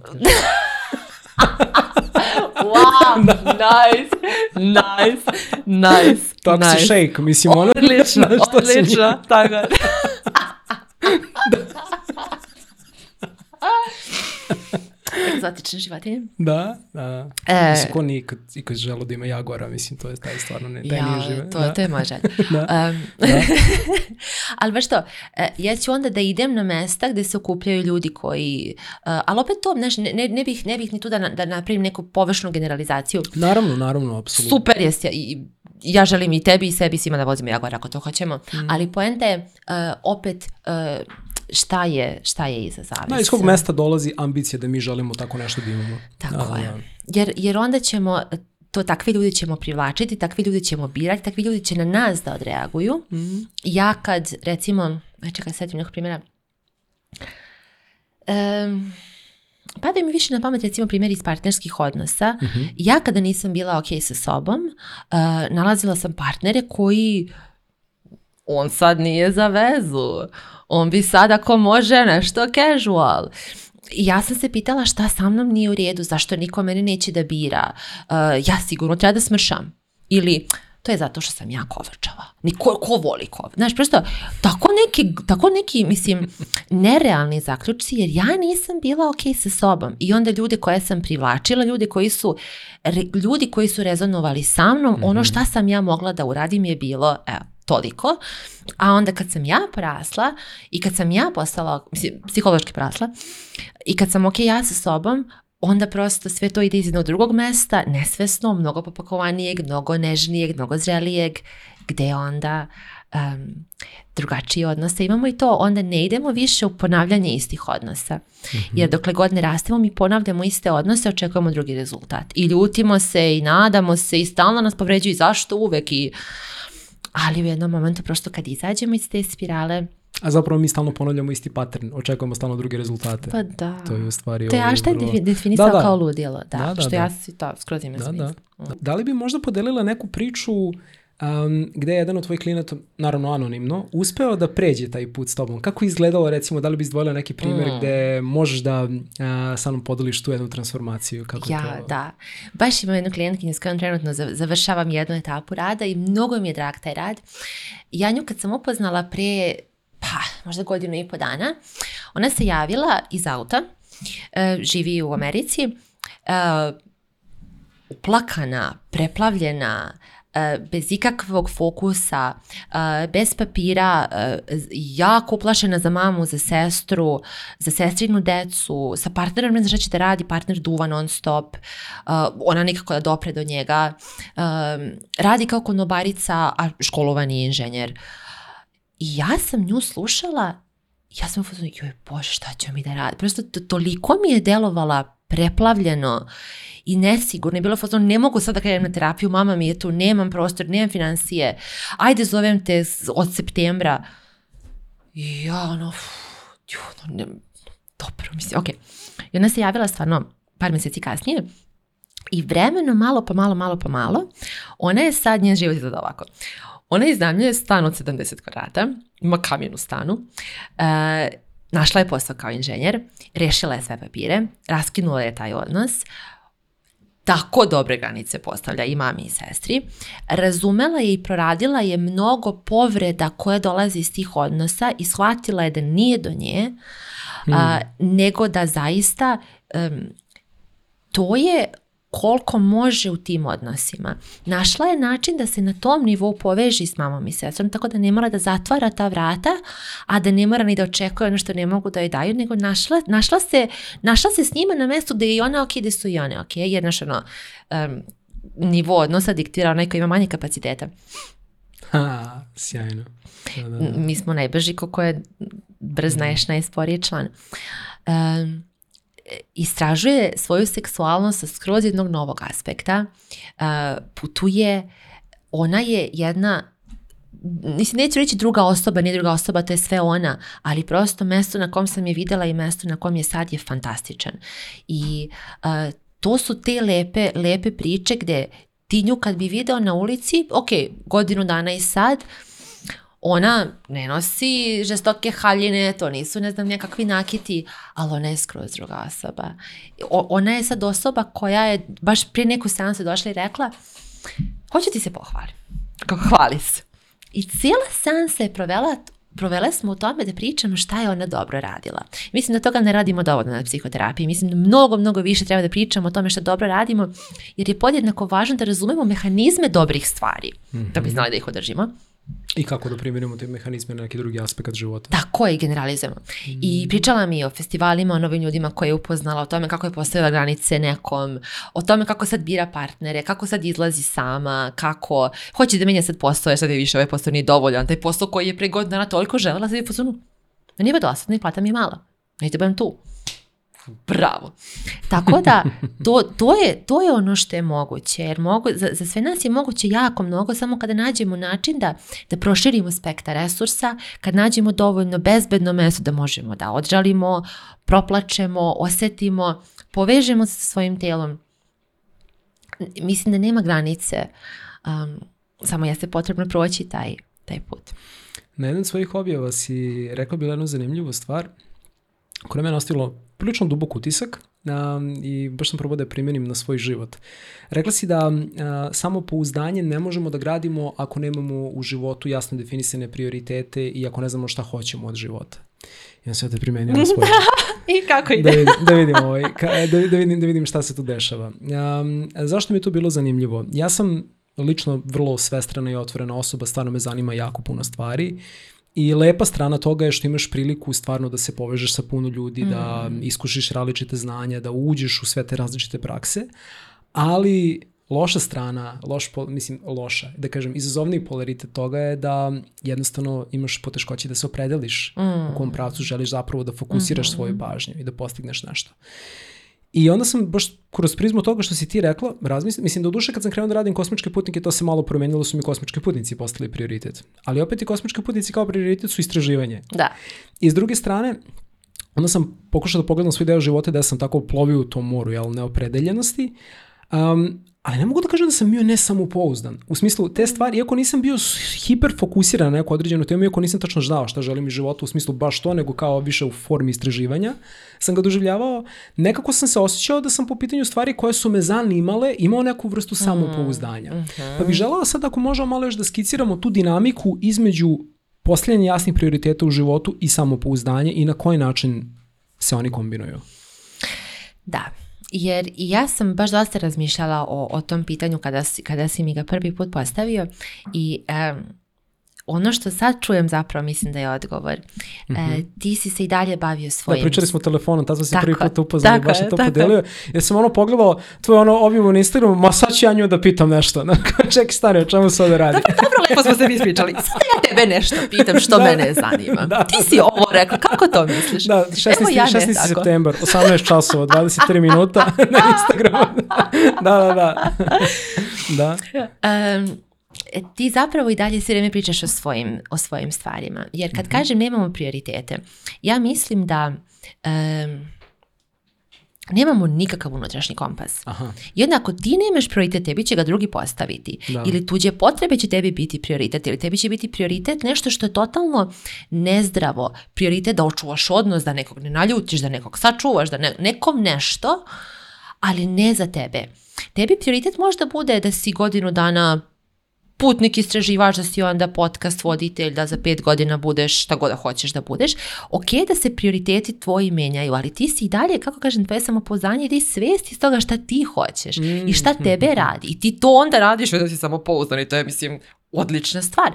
Ali jedno je to, ja hoću svašta, pa mi je teško da prioritizujem, mm -hmm. pa ću malo ovo, malo ono, pa ću kombinujem svoje interesovanje, to je odličan problem za imati. Mm -hmm. Ali ti se dalje vrlo baviš sobom uz veliku svijest šta ti hoćeš. Mm -hmm. A da ti nemaš pojma šta hoćeš, e onda bi tvoji prioriteti bili da li je žena dobro, da li je mama dobro, šta kome treba, kome sam šta dužan, ovaj se seli, ovaj se razvodi, daj ovom, daj onom. I to je onda ogromna razlika Kada mi nemamo nikakav unutrašnji kompas, tuđe potrebe nama postanu kompas.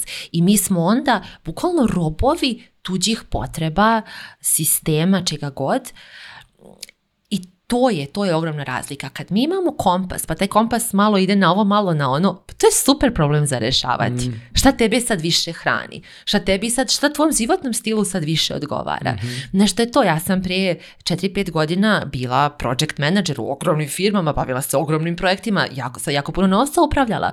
Pa sam onda bila terapeut, jedan na jedan terapeut, jer to me jako hranilo, sad prelazim na grupnu terapiju. Za 5 godina će biti supervizor.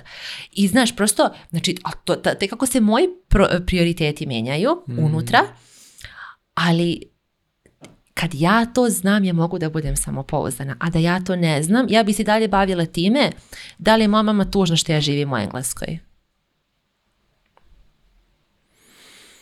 Da, sviđa mi se to što si rekla mnogo. Ako ne stremimo svojim prioritetima, stremit ćemo tuđim to je baš, baš velika, velika, velika tema i velika istina. Mm do, doslovno nemamo taj luksus da ih nemamo, u smislu i da, da, la, lako će se taj prostor popuniti. A uf, mm. jako brzo, jako brzo, jer baš to, uh, momentalno će taj prostor da popuni prva glasna osoba pored nas, sistem, kogod da je malo potrebitiji, njegove potrebe će da, da izdominiraju i tu onda nema nas, a mi imamo mm. svi i pravo i odgovornost i dužnost da znamo šta hoćemo, jer kad ja znam šta hoću, ja sam dobra sebi, a dobra sam i svetu.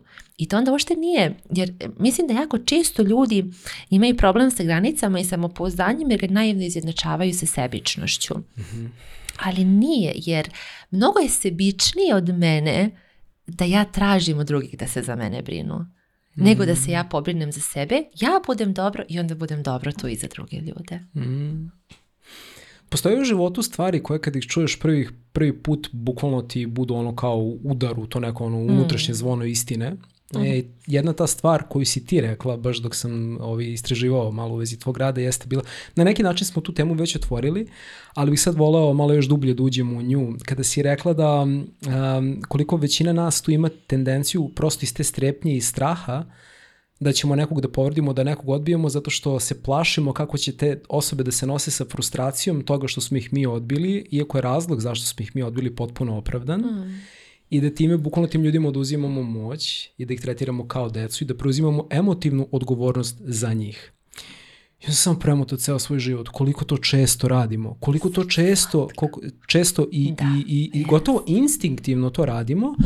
a opet nije ni toliko čudno što radimo, jer kao ako ti posebno do nekoga stalo, ti ne želiš da se on oseti frustrirano. Da. I kao ti, si, ti hoćeš da ga sačuvaš od tog osjećanja, ali onda nisi svesna šta radiš sebi, mm. kao u svemu tom. I nisi svesna šta radiš njemu. Tako je.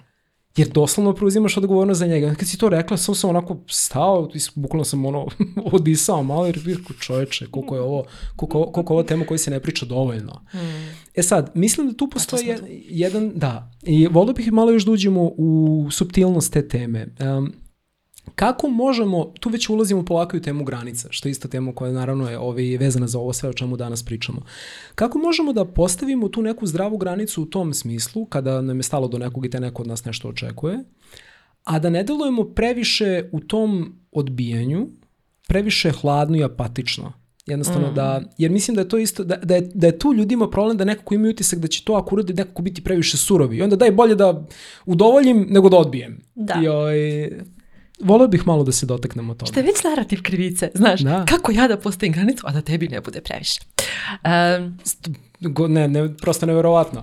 da, da, da, da. namera bila dobra. I da, ti da, ne, da. preslatko je, pres, jeste, jeste, baš je namera, namera je baš slatka, ali mhm. ide iz deteta. Mm. Iz unutrašnje deteta. Kako ja da tebe sačuvam? Pa ću te sačuvati tako što ću te skloniti. Što postoje mnogo zreliji načini da mi, neko, mm. da mi zapravo investiramo nešto što je dobro i trajno. Um, Ok, kad pričamo o granicama, mislim da postoje znači, par nivoa na kojima mi možemo da operišemo. Emotivna promena, kognitivna promena, ponašajna promena. Granica koju ja postavljam ide na sva ta tri dela. Da, volio bih upravo to i da definišemo šta je uopšte granica, šta znači postaviti zdravu granicu, upravo to, da, da. Postaviti zdravu granicu znači iskomunicirati potrebu, iskomunicirati kako se osjećamo i dati feedback na ponašanje neke osobe.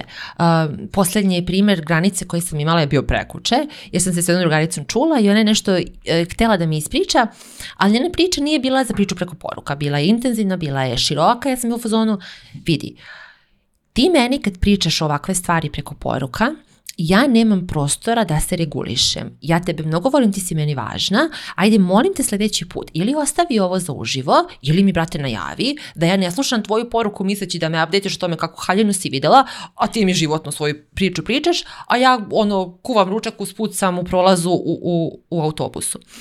E, to je primer granice. Znači, kad ja, kad ti, onda ja, evo ti alternativa. E, ali ako ja ne verujem da ona ima kapacitet da se s tim iznese ili ako joj ja oduzmem kapacitet, ja to neću reći nego ću pričutati, povući ću se iz odnosa. I ultimativno, ja sam time oštetila i sebi i njoj našem odnosu, jer joj nisam rekla kako se osjećam. Njen mm. odgovor na to je bio inače super granica, pravo si. E to, to je, i, i, ja to mnogo volim u vezi sad to no, novih ljudi koji ulaze u moj život i koje ja upoznam kako ja rastem, jer baš to dobijam na svakom koraku nova iskustva i potvrdu za to šta je sve, kako je sve, kako sve može da se živi. Mhm. Um, I kada postavljamo granicu, samo jedan deo je šta ćemo da kažemo. Jako puno ljudi se time bavi. Ja ne znam šta da kažem. To je, to je jedan moment kad, kad nekom hoćemo da izjavimo saočešće, ja ne znam mhm. šta da kažem, bolje ja ne kažem ništa ili se vraćamo na neke tako kliše ili na, na sva, svašta nešto, a uopšte ne razmišljamo o tome šta je emotivna pozadina i šta je misalna pozadina. Misalna mhm. pozadina je ja verujem u tebe. A emotivna pozadina je ja sam ok i ti si ok. Ja ću mhm. zato tebi sad ovo da kažem. I onda kad mi na toj osnovi izgradimo rečenicu, kakva god ona zvuči, čak i da iz prve zvuči loše, imamo prostor da je još jednom kažemo pa još jednom pa će odnos da bude ok ultimativno. No i osjeti se namera. Ja mislim da tako se tu je, osjeti to je emotivna to. namera mi reagujemo, se osjeti. Tako da, je, da, da. mi reagujemo to. Ja tebi mogu da kažem odličan ti taj privezak. Znaš ako mi se sviđa? A mogu da ti kažem odličan ti je taj privezak. E, I mi kad bi radili transkript ovog razgovora, niko ne bi mogao skonta šta sam ja rekla. Mm ti si skroz odrea, naš, odreagujemo na ono što je ispod. I zato mislim da onda samo bespotrebno sebi komplikujemo život kad razmišljamo koji je najbolji način da ja to kažem, pišemo i pišemo mailove po sto puta, jer zarez ovde onda, ne brata, aj ti vidi kako si ti sa sobom i kako razmišljaš o toj drugoj osobi i vidi koliko veruješ u odnosu. Mm-hmm. I vidi kakav je zapravo taj odnos i vidi, ja se sećam, Ja sam se mnogo plašila da postavim granice u onim odnosima za koje sam znala da će se prekinuti kad ja postavim granicu. I tače tako je bilo. Kad sam, kad sam na kraju ja shvatila... Opet strah. Opet strah. Tako je, ali skroz misplaced, jer ja sam se zapravo plašila ja da ću ostati sama. Ja sam bila u fazonu, pa bolje da ja održim bilo kakav odnos nego da budem sama. Ali onda shvatim, čekaj, ali ja u ovom odnosu nisam dobro, ovaj odnos meni više ne služi, ovaj odnos postoji jer se ja žrtvujem. I onda kad sam postavila granicu, to su, to su tačno odnosi koji su mogli da prerastu u kumstvo ili da se završe. I ja od, odbijem kumstvo, odnos se završi. I to je to. Imao sam ja takve situacije i mislim, imao sam ih nekoliko u životu i uh, nema, nema ništa bolje nego da što pre to rešiš, jer sve ostalo je besmisleno, jer kao zbog čega bi to radio, hmm. zbog, čega bi ta baterija trebala da radi samo na jednoj strani. Ne funkcionišu, ne funkcionišu tako stvari. Još gore, one tako mm. mogu da funkcionišu beskrajno. Dok se ti ne, recimo ne istrošiš. Dok se ne razboliš, dok se ne istrošiš. E, dok, dok hmm. još više onda ne potoneš, jer ajde ako je to jedan odnos, Mm. Možda i može, no vremenom se možda malo udaljimo u najboljem slučaju. Ali ako su to svi odnosi, ako je to jedino ono što ja znam, ako sam ja tako odrasla, mm. Pominjala si različite te domene, intelektualni, emotivni, vezano za granice, tu, mm -hmm. tako mhm. time si stvorila. Šta si htjela tu tačno da kažeš, zanima me, pošto to, to smo uveli samo da definišemo granice, ali si pre toga krenula to da definišeš. Pa e, da baš to, da-, da, da granica može mm -hmm. da se postavi na sva ta tri nivoa i da granica mm -hmm. nije samo to šta ću reći. Jasno, da, da. Jer da. mislim da se oko toga u, u medijima na to se jako lako spustimo. Mhm. Samo ti kaži ne. Ti ne možeš da kažeš ne, ti onda, samo ti samo, i to je, to su, to su takve redukcije banalne. Um, granica uopšte nije samo ne. Granica je, granica je čitav jedan vibe kako se ja osjećam u vezi tebe, u vezi našeg odnosa, kako nastupam i onda kad sve to postoji šta ću ja reći je znaš, mo kaže šta god hoću, reagujemo na, reagujemo na nešto što je mnogo dublje i bazičnije. Da, ona gotovo da postoji na nivou prisustva. Mhm. Mm na nivou bića, tako je. Mm. I onda jako puno ljudi baš to kaže sebi, u čovječe ja ne znam da postavim granice, ja ne mogu da kažem ne. Pa nećeš reći ne suludo je da izađeš i kažeš samo ne. E, da ću da mi gostuješ na podcastu, a ne. Znaš, to, to, to, to nije granica. Granica je da kad ja kažem, vidi, ja jako želim da gostujem na tvom podcastu, ne odgovara mi ovaj datum, ali moja namera da ja hoću da to, baš se radujem, pratim te, volim tvoj rad, hoću da budem ovde, aj nađemo neki način, to je granica. Nepostavljanje granice bi bilo, ja ću da dođem kad god ti hoćeš, samo ti kaži ja ću se pojaviti, onda nema granice. A kad kažem samo, a, ne, znaš, a ta dostupnost, upravo sad taj drugi primjer koji si ilustrovala, tačno, jao bože, znači ta, ta, ta, ta, tačno si je ovako, znači samo su mi se pojavile face ispred glave tih ljudi koji tom ultra dostupnošću mm -hmm. smatraju da mm. su izuzetno dobri ljudi. Mm oni, oni vezuju vrednost, oni vre, znači bukvalno valuta njihovog bića je određena tržištem njihove dostupnosti. znači, da. bukvalno. Što je dostupniji, to je vredniji. A opet, s druge strane, ne dalo je baš da stvari funkcionišu tako. E, da... E, I to je ono što sam rekla, mhm. na svima nama je da nađemo drugi način da budemo bitni. Mm. Zdraviji način da budemo bitni. Ajde, ja ne budem tebi bitna jer sam uvek tu ajde da ja tebi budem bitna jer ti mene voliš, jer ti gotiviš to što sam ja kao biće, kao osoba kad mi sedimo sami pričamo, da sam ja tebi mm. bitna, a ne bitna sam jer ne možeš da me zameniš jer sam ja uvek tu. E, ali ja onda znam da mm. prvi put kad ti možeš mene da zameniš ili kad neko drugi može da uradi ono što ja mogu da uradim, ja više nisam bitna. I to onda nije samo pouzdanje, to uopšte nije zdrav odnos. A na nama je svima da nalazimo nove načine, da budemo sebi važni, drugim ljudima važni. Kad su granice u pitanju i sad dok govoriš o svemu ovome, uh, dolazi mi jedna stvar koja isto, mislim, smatram, bar iz neke moje tačke gledišta da je bitna, to je kako komuniciramo naše potrebe. Mm. Jer uglavnom imamo uglavnom problemi da postavimo tu granicu baš zato što ne možemo da prepoznamo našu potrebu koja može u tom trenutku nešto drugo. I onda doslovno stavljamo tuđu potrebu ispred naše. Šta može da nam pomogne da malo bolje osvestimo te naše potrebe i kako možemo nekako bolje da ih onda komuniciramo sa drugim ljudima? da, mislim da je ogroman broj nas totalno nesvestan svojih potreba i vežba koju mm. jako rano u terapijskim odnosima ja dam svojim klijentima. Ajde samo prati koliko ćeš sledeći na da jedan trpiš kad ti se piški. Ništa dalje od toga. Ljudi dođu posle na fazonu, oh, znaš šta, kao pet puta samo u ponedeljak sam trpela, jer ajde ne prekidan sastanak, ajde da, znaš šta je kao tišina pa da ja ne izlazim, ajde sačekat ću još malo. To je to, mi smo do te mere nesvesni svojih potreba telesnih, a da ne pričamo o potrebi za sigurnošću, za ljubavlju, za bliskošću, ono, nekim malo abstraktnim potrebama. Tako da, do takvih, do takve sveti se dolazi kroz rad na sebi. Mhm. Rad na sebi možda ima različite forme. Neki ljudi vole da pišu, neki vole da meditiraju, neki, neki kao što sam, na primjer, ja, ja jako učim iz odnosa. Mhm. Meni su potrebni odnosi da bih ja sebi naučila.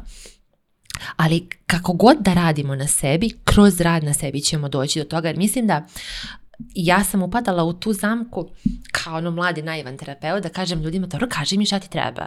Ljudi fuzonu, pa ne znam. Tek sam ja onda skontala da mi ni ne znamo šta postoji kao potreba. Mm-hmm. Ja sećam pripo kad je meni moja terapeutkinja dala kartice neke s potrebama i kao, aj pogledaj ovo. Ja sam prvi put videla stvari poput potreba za vođstvom, potreba za granicama, Znači ja, moja psiha ima potrebu za granicama jer to je zdrav odnos. I onda roditelji koji ne postavljaju granice svoje, de, svoje deci iz ideje da će im tako pomoći, suštinski čine mnogo više štete. I, I tek tad zapravo se meni skroz proširio spektar na sve to šta sve može da bude podrazumevano potrebom i onda kad ih identifikujemo, onda možemo da ih prioritizujemo u smislu koja potreba mi je sad najvažnija ili koja potreba je najveći deo mog života bila nezadovoljena. A, koje ja odnose sad imam koji mogu da mi budu resurs. Onaj primjer koji sam navela na početku, znači da, ja sam recimo postoji ta potreba za, ajde da kažem, sigurnošću. Ona mhm. nije uvek bila zadovoljena. Sada je moj partnerski, moj brak, jeste mesto gde ja tu potrebu mogu da, da nahranim. Sad kad sam nahranila, ja ću da imam neke druge potrebe koje će dođu. Znaš, kao luk, ono, svaki novi sloj donese mm. nešto novo. Ali mislim da prvo ide iz svesti i kontakta sa sobom i svojim telom. Da, delo, mislim, onako upravo to podsjeno na one babuškice. Tako je, tako je, tako je, jeste. Da, da, da, da, da, jedna ide onako, jedna ide u drugu. Um, dakle, dala bi kao neki savjet da bolje krećemo da komuniciramo, da ih, mislim, postanemo svesni, ali upravo to, kao kako možemo da ih postanemo ako ne znamo ni da ih ima. I onda je to u stvari ta malo ovaj, ne, nezgodna dinamika. Jer deluje mi kao da u konstantnom udolja, udovoljavanju tuđih zanemarujemo svojih do te mere da ih ne postanemo svesni da ih imamo, I onda uopšte trebamo da postanemo svesni da smo mi osobe koje, da je okej okay imati potrebu, jer ja mislim da neki ljudi misle da nije ni okej okay imati yes, potrebu. Da je to slabost. Ako imaš da. potrebu, onda si slab. Da, da, da Jeste. da, da, da. Potreba I, kao slabost, upravo to. Da, jer mislim da se mi menjamo sa različitih mesta. Mi možemo, mm. nekad je bolest nešto što nas motiviše, nekad je raspad nekog žestokog odnosa, nekad nešto čujemo pa nas jako inspiriše, nekad nešto naučimo. I sad sve su to različite mesta s kojih mi možemo ući. Uh, ja mislim da, nažalost, nažalost većina ljudi kod nas se menja sa mesta bola i potrebe. Bola, i tako da kažem, bolesti. Ja ne mogu više ovako, ja ne mogu više da trpim, ja neću više da ćutim. Ja sam tri dijagnoze imala za poslije deset godina, više ne može ovako. I mi tad odlučimo da sečemo, ali to, to je prosto, ja mislim, mentalitet naš, našeg naroda, jer kod nas je trpljenje. Mm, vrlina. Takva vrlina, ono, kanonizuje se. E, I onda dolazimo i na terapiju i kod lekara i gde god žestoko već u burnoutu, mm. a, i skroz ispražnjenih resursa. I dolazimo u momentima požara. Mene je jako malo klijenata zvalo i reklo ovako, ja sam na dobrom mestu, ja sad hoću da napredujem.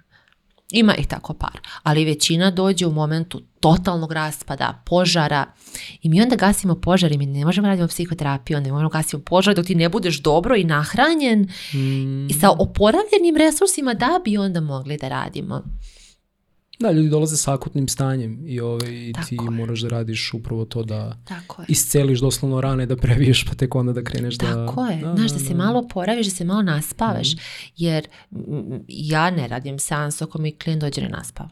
Pa šta ću da radim s tobom? Mhm. Pa ti ne čuješ mene, ne pamtiš, ti nisi regulisan, plakaćeš na sve i svašta što možda uopšte nema veze sa tim kakva je realnost. Uh, I, I onda, znaš, kad pričamo o tome kako prepoznati svoje potrebe s različitog mesta. Neki će da trpe, neki će da nešto čuju pa će da ih inspiriše, neki će iz, iz podcasta kao što je ovaj da nauče nešto mm. pa će to što su saznali da ih motiviše da nešto novo urade u svom životu, menjamo se s različitih mesta, ali iz kogod mesta da uđemo, mislim da je ok i poziv svima da prosto ne čekaju ono zadnju liniju pa još malo istrpe da vide hoće li se samo rešiti. Neće. Mm. Ono, ok, tražiti pomoć, potrebe nisu slabost. Za sve te ljude koji su, su moju publiku, evo koja sam s u toku, koji su spremni da krenu na taj put, um, na koji način ih vodiš na taj put? Da, ja, ja trenutno vodim ljude na put kroz grupni rad, jer iz svog mog iskustva sam shvatila da je to ono što nama treba. Um, jedan na jedan rad je prelep, ali it can only go so far. Uh, mislim da um, kada pričamo o svim ovim potrebama, o povredama, o iskustvima, E, način da održimo trajna rješenja je da radimo sa grupom ljudi, da se izložimo, da, da pređemo sve to o čemu smo pričali, da, da pređemo preko neprijatnosti, da izdržimo neprijatnost, da se otvorimo, da budemo ranjivi, da čujemo nešto novo, da iskusimo drugačiju reakciju. E, to su one stvari koje postanu lekovite. Sećam se baš nedavno u jednoj seansi grupe Uh, jedna klijentkinja je došla i nije htela da ispriča svoju priču jer je razmišljala čoveče pa meni je dobro što bi se ja sad hvalila. Ja sam je izvukla, rekla sam ajde ispričaj, ovo je sad mnogo važno. Ona je ispričala, pola ljudi je plakalo jer je bilo u fazonu hvala ti što mi pokazuješ da je ovo moguće, mm a ja sam njoj rekla kako je tebi kada si primjer drugim ljudima. I onda je ona briznula u plač skroz. E, to je to. Uh, uh, nama su potrebni ljudi da bi izvežbali i osetili ono što će nam biti resurs, što će, što će nam pomoći da zalečimo, da bi to onda mogli da odnese, da bi mi izašli kompletni i celoviti i ohrabreni s novim veštinama u svet. I to radim sad kroz grupu Otkrijete do samopouzdanja, jer to je baš merge, to je spoj kulturalnog miljeja, onog što nosimo mm -hmm. i onog na, zašto znam da je održivo rešenje, da je pravi lik i ono što stvarno vidim klijente iz dana u dan već godinama da iznose iz našeg rada. Kako ljudi mogu da postanu deo te grupe? Ljudi mogu da me nađu na Instagramu, e, psihoterapeut Darija Lubanska, a, link za prijavu stoji u opisu profila. Je eh, u grupu u smislu jedna grupa ljudi koji radi i, i u smislu može da i se pristupi bilo kad ili postoje određeni momenti kad ljudi ulaze u tu grupu? Da, s grupom krećemo u septembru, Aha. tako da sasvim je dovoljno vremena i da ljudi me nađu i upoznaju ako me već ne poznaju. E, grupe ograničavam na 15 učesnika trenutka jer je meni jako važno da imam prostor da se povežem svima. I e, jako mi je važno da kad kažem grupa radi, grupa stvarno radi. Znam da ima puno ljudi koji onako stave 50 ljudi na jedan poziv pa mhm. rade sa svima njima, to nije moj stil e, jer kad ja svakog znam, kad ja upoznam svakog prije, tog, prije te grupe, kad ih viđem svake nedelje po dva sata, četiri meseca, e, ja znam kad koga mogu da uključim, ja znam šta je čija priča mm-hmm. i zato, zato znači jedna grupa je već formirana, krenula je, iskustva su fantastična, druga grupa se formira od septembra, krećemo 19. mislim da će biti prvi grupni poziv tako da apsolutno dovoljno vremena da, da se ljudi i odluče i prijave i istraže i nauče uh, i rad će podrazumevati četiri meseca grupnih poziva svake nedelje i tonu, tonu znanja koje snimam a, iza scene, tako da može da pokrije rupe u znanju, jer neka definitivno nama fale informacije, ali a, to služi samo kao jedan delić celokupne promene koja je zapravo ajde mi radimo na odnosima u odnosima. Sjajno sad volio bih za kraj da te pitam, pošto mi je od uvek profesija psihoterapije nekako vrlo onako fascinantna u smislu da se neko predeli da radi s ljudima na taj način i da je vrlo izazovna. Mm. Kako izgleda ta Darija što kaže kada skine svoju karticu vodiča? Dobro, da, da, da, da. kako ti izgledaju neke dnevne rutine, odnosno kako balansira se između svog privatnog i profesionalnog života koji je ipak vrlo zahtevan u ovoj formi u kojoj ga ti radiš? E, I to mislim da jeste najčešće pitanje koje dobijem kao terapeut. Ti si mm. terapeut, jel ti nosiš tuđe priče sa sobom? Znaš, jel ti razmišljaš, jel, jel, jel ostavi to na tebe neki utisak? I definitivno da, da nekad nosim, jer mislim mm-hmm. čovek sam ja sa ljudima radim dugo i po, jako sam posvećena uh, svojim klijentima i uh, dragi su mi, uh, to da su pametni ljudi, mnogo volim, mnogo volim i svoj radi svoje klijente. I svakako da ću nekada da razmišljam o njima, ali na meni je dužnost da ja prvo brinem o sebi. Jer ako ja nisam dobra, ja nisam dobra mojim klijentima. Mm-hmm. I uh, moj svakodnevni život zaista jeste onako dosta um, usidren oko nekih rutina koje ja volim. Mhm. Ja ne počinjem rad ujutru pre nego što znam da sam se razbudila, popila kafu, otišla u šetnju. Um, ja završavam rad uh, onog momenta kad recimo znam da će, ne znam, možda mi dođe s posla ili znam da imam trening ili znam da imam neku aktivnost. E i onda ja sredinu dana imam zapravo koji je posvećen klijentima, čitanju, istraživanju, šetnjama. Ali... Šta treniraš? Ja jogu, Dobro. idem na Što jao, pa joga je... Ne, to što je mnogo volim, to što je mnogo volim.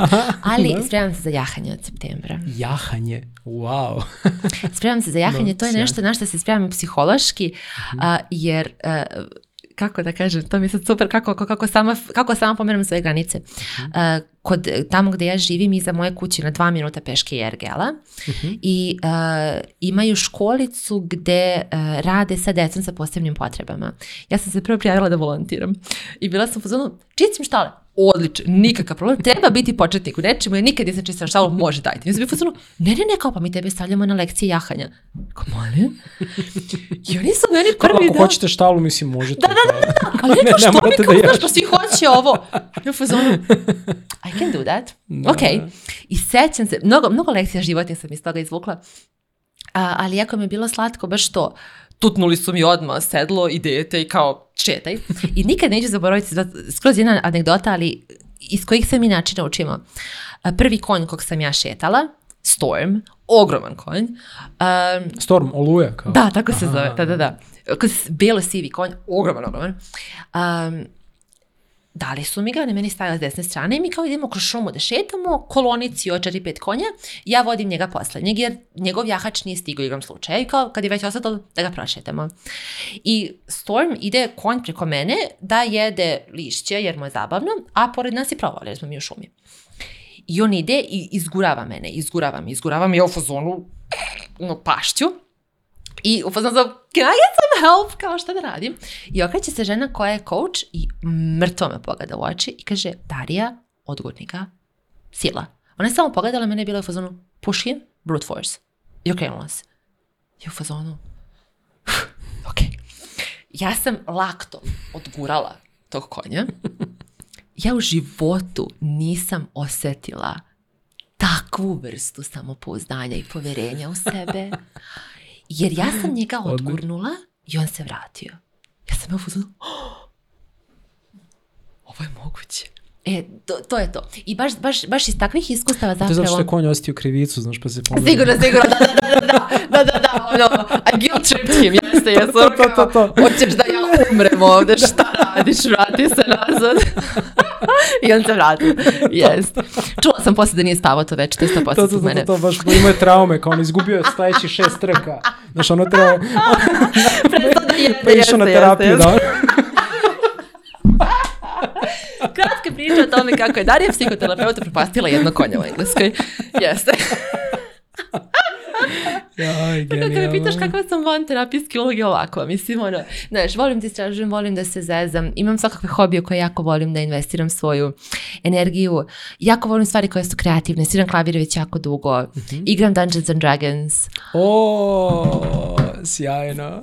Mogli smo sad izbacimo malo neke figure. Da, da igram klerike često. Da, da, da, da. ali radim ja, na tome. Ja, vidiš, mogu bi da uvedem one kockice, tipa da imam kao neka trik pitanja, pa kao koja kockica padne i stavim da stavim ovo, naš kao game master. Roll the dice, ono, da. tako, da, da, da. tako je, tako je, tako je, tako je.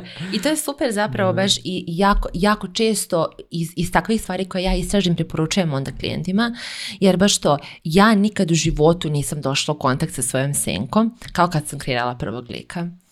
I kad je moj tadašnji Dungeon Man. Dungeons and Dragonsu. Tada, pa tako da, je. Kada je on meni postavio pitanja poput šta je njena tajna, šta je njena želja, čega se ona plaši, ima, koji, je, koji je najveći strah, um, ima li neku, rekla sam za tajnu, kakav je odnos s nocem, kakav je odnos s autoritetom.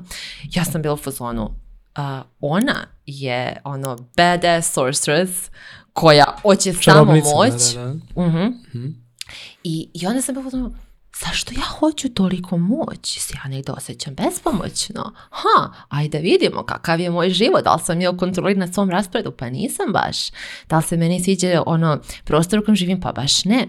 Tako da, e, da, kad, ja kad nisam psihoterapeut uh, sam vrlo kreativna, jako povezana uh, i baš, baš to. Volim da istražujem, jako volim da putujem. Moj mozak funkcioniše na tri jezika ono svakodnevno tako da da baš baš živim jedan dinamičan i kreativan život i um, dosta sam ambiciozna i, i mnogo volim svoj posao paralelno i baš se radim da vidim šta je sve za mene ono u knjigama ja isto Hvala ti puno, hvala ti puno što si došla. Mnogo mi je drago što ovaj razgovor nismo snimali preko Zuma, što smo ovaj nekako uspjeli da se... U, da, jer bi to bila opcija. Da, da ne, da. ovo, ne, ne, ne, tu ovaj opciju, od, opciju uvek odbijem. Ovo, ovaj, ne, jednostavno ne može da se poredi. Ne, ne, ovo stvarno. Ra, razmena, razmena uživo nešto. Da. Hvala ti na svemu što radiš. Hvala ti. Hvala ti na, na, na, na toj divnoj avanturi, uslovno mm. rečeno, koja nije uvek baš nužno prijetna na tom putu na kom vodiš sve tvoje klijente i sve nas. Hvala svima vama što ste ostali sa nama do kraja epizode Kosmičkih putnika. Ja ću staviti u opisu ispod ovog videa sve relevantne informacije za moj Darin razgovor. Moći ćete, a posebno ako ste spremni da krenete na put od krivice do samopouzdanja, da se pridružite Darinoj grupi, stavit ću sve neophodne linkove, tako da ćete moći da se informišete i da se prijavite. Hvala vam još jednom i vidimo se u nekoj novih epizoda Kosmičkih putnika. Ćao!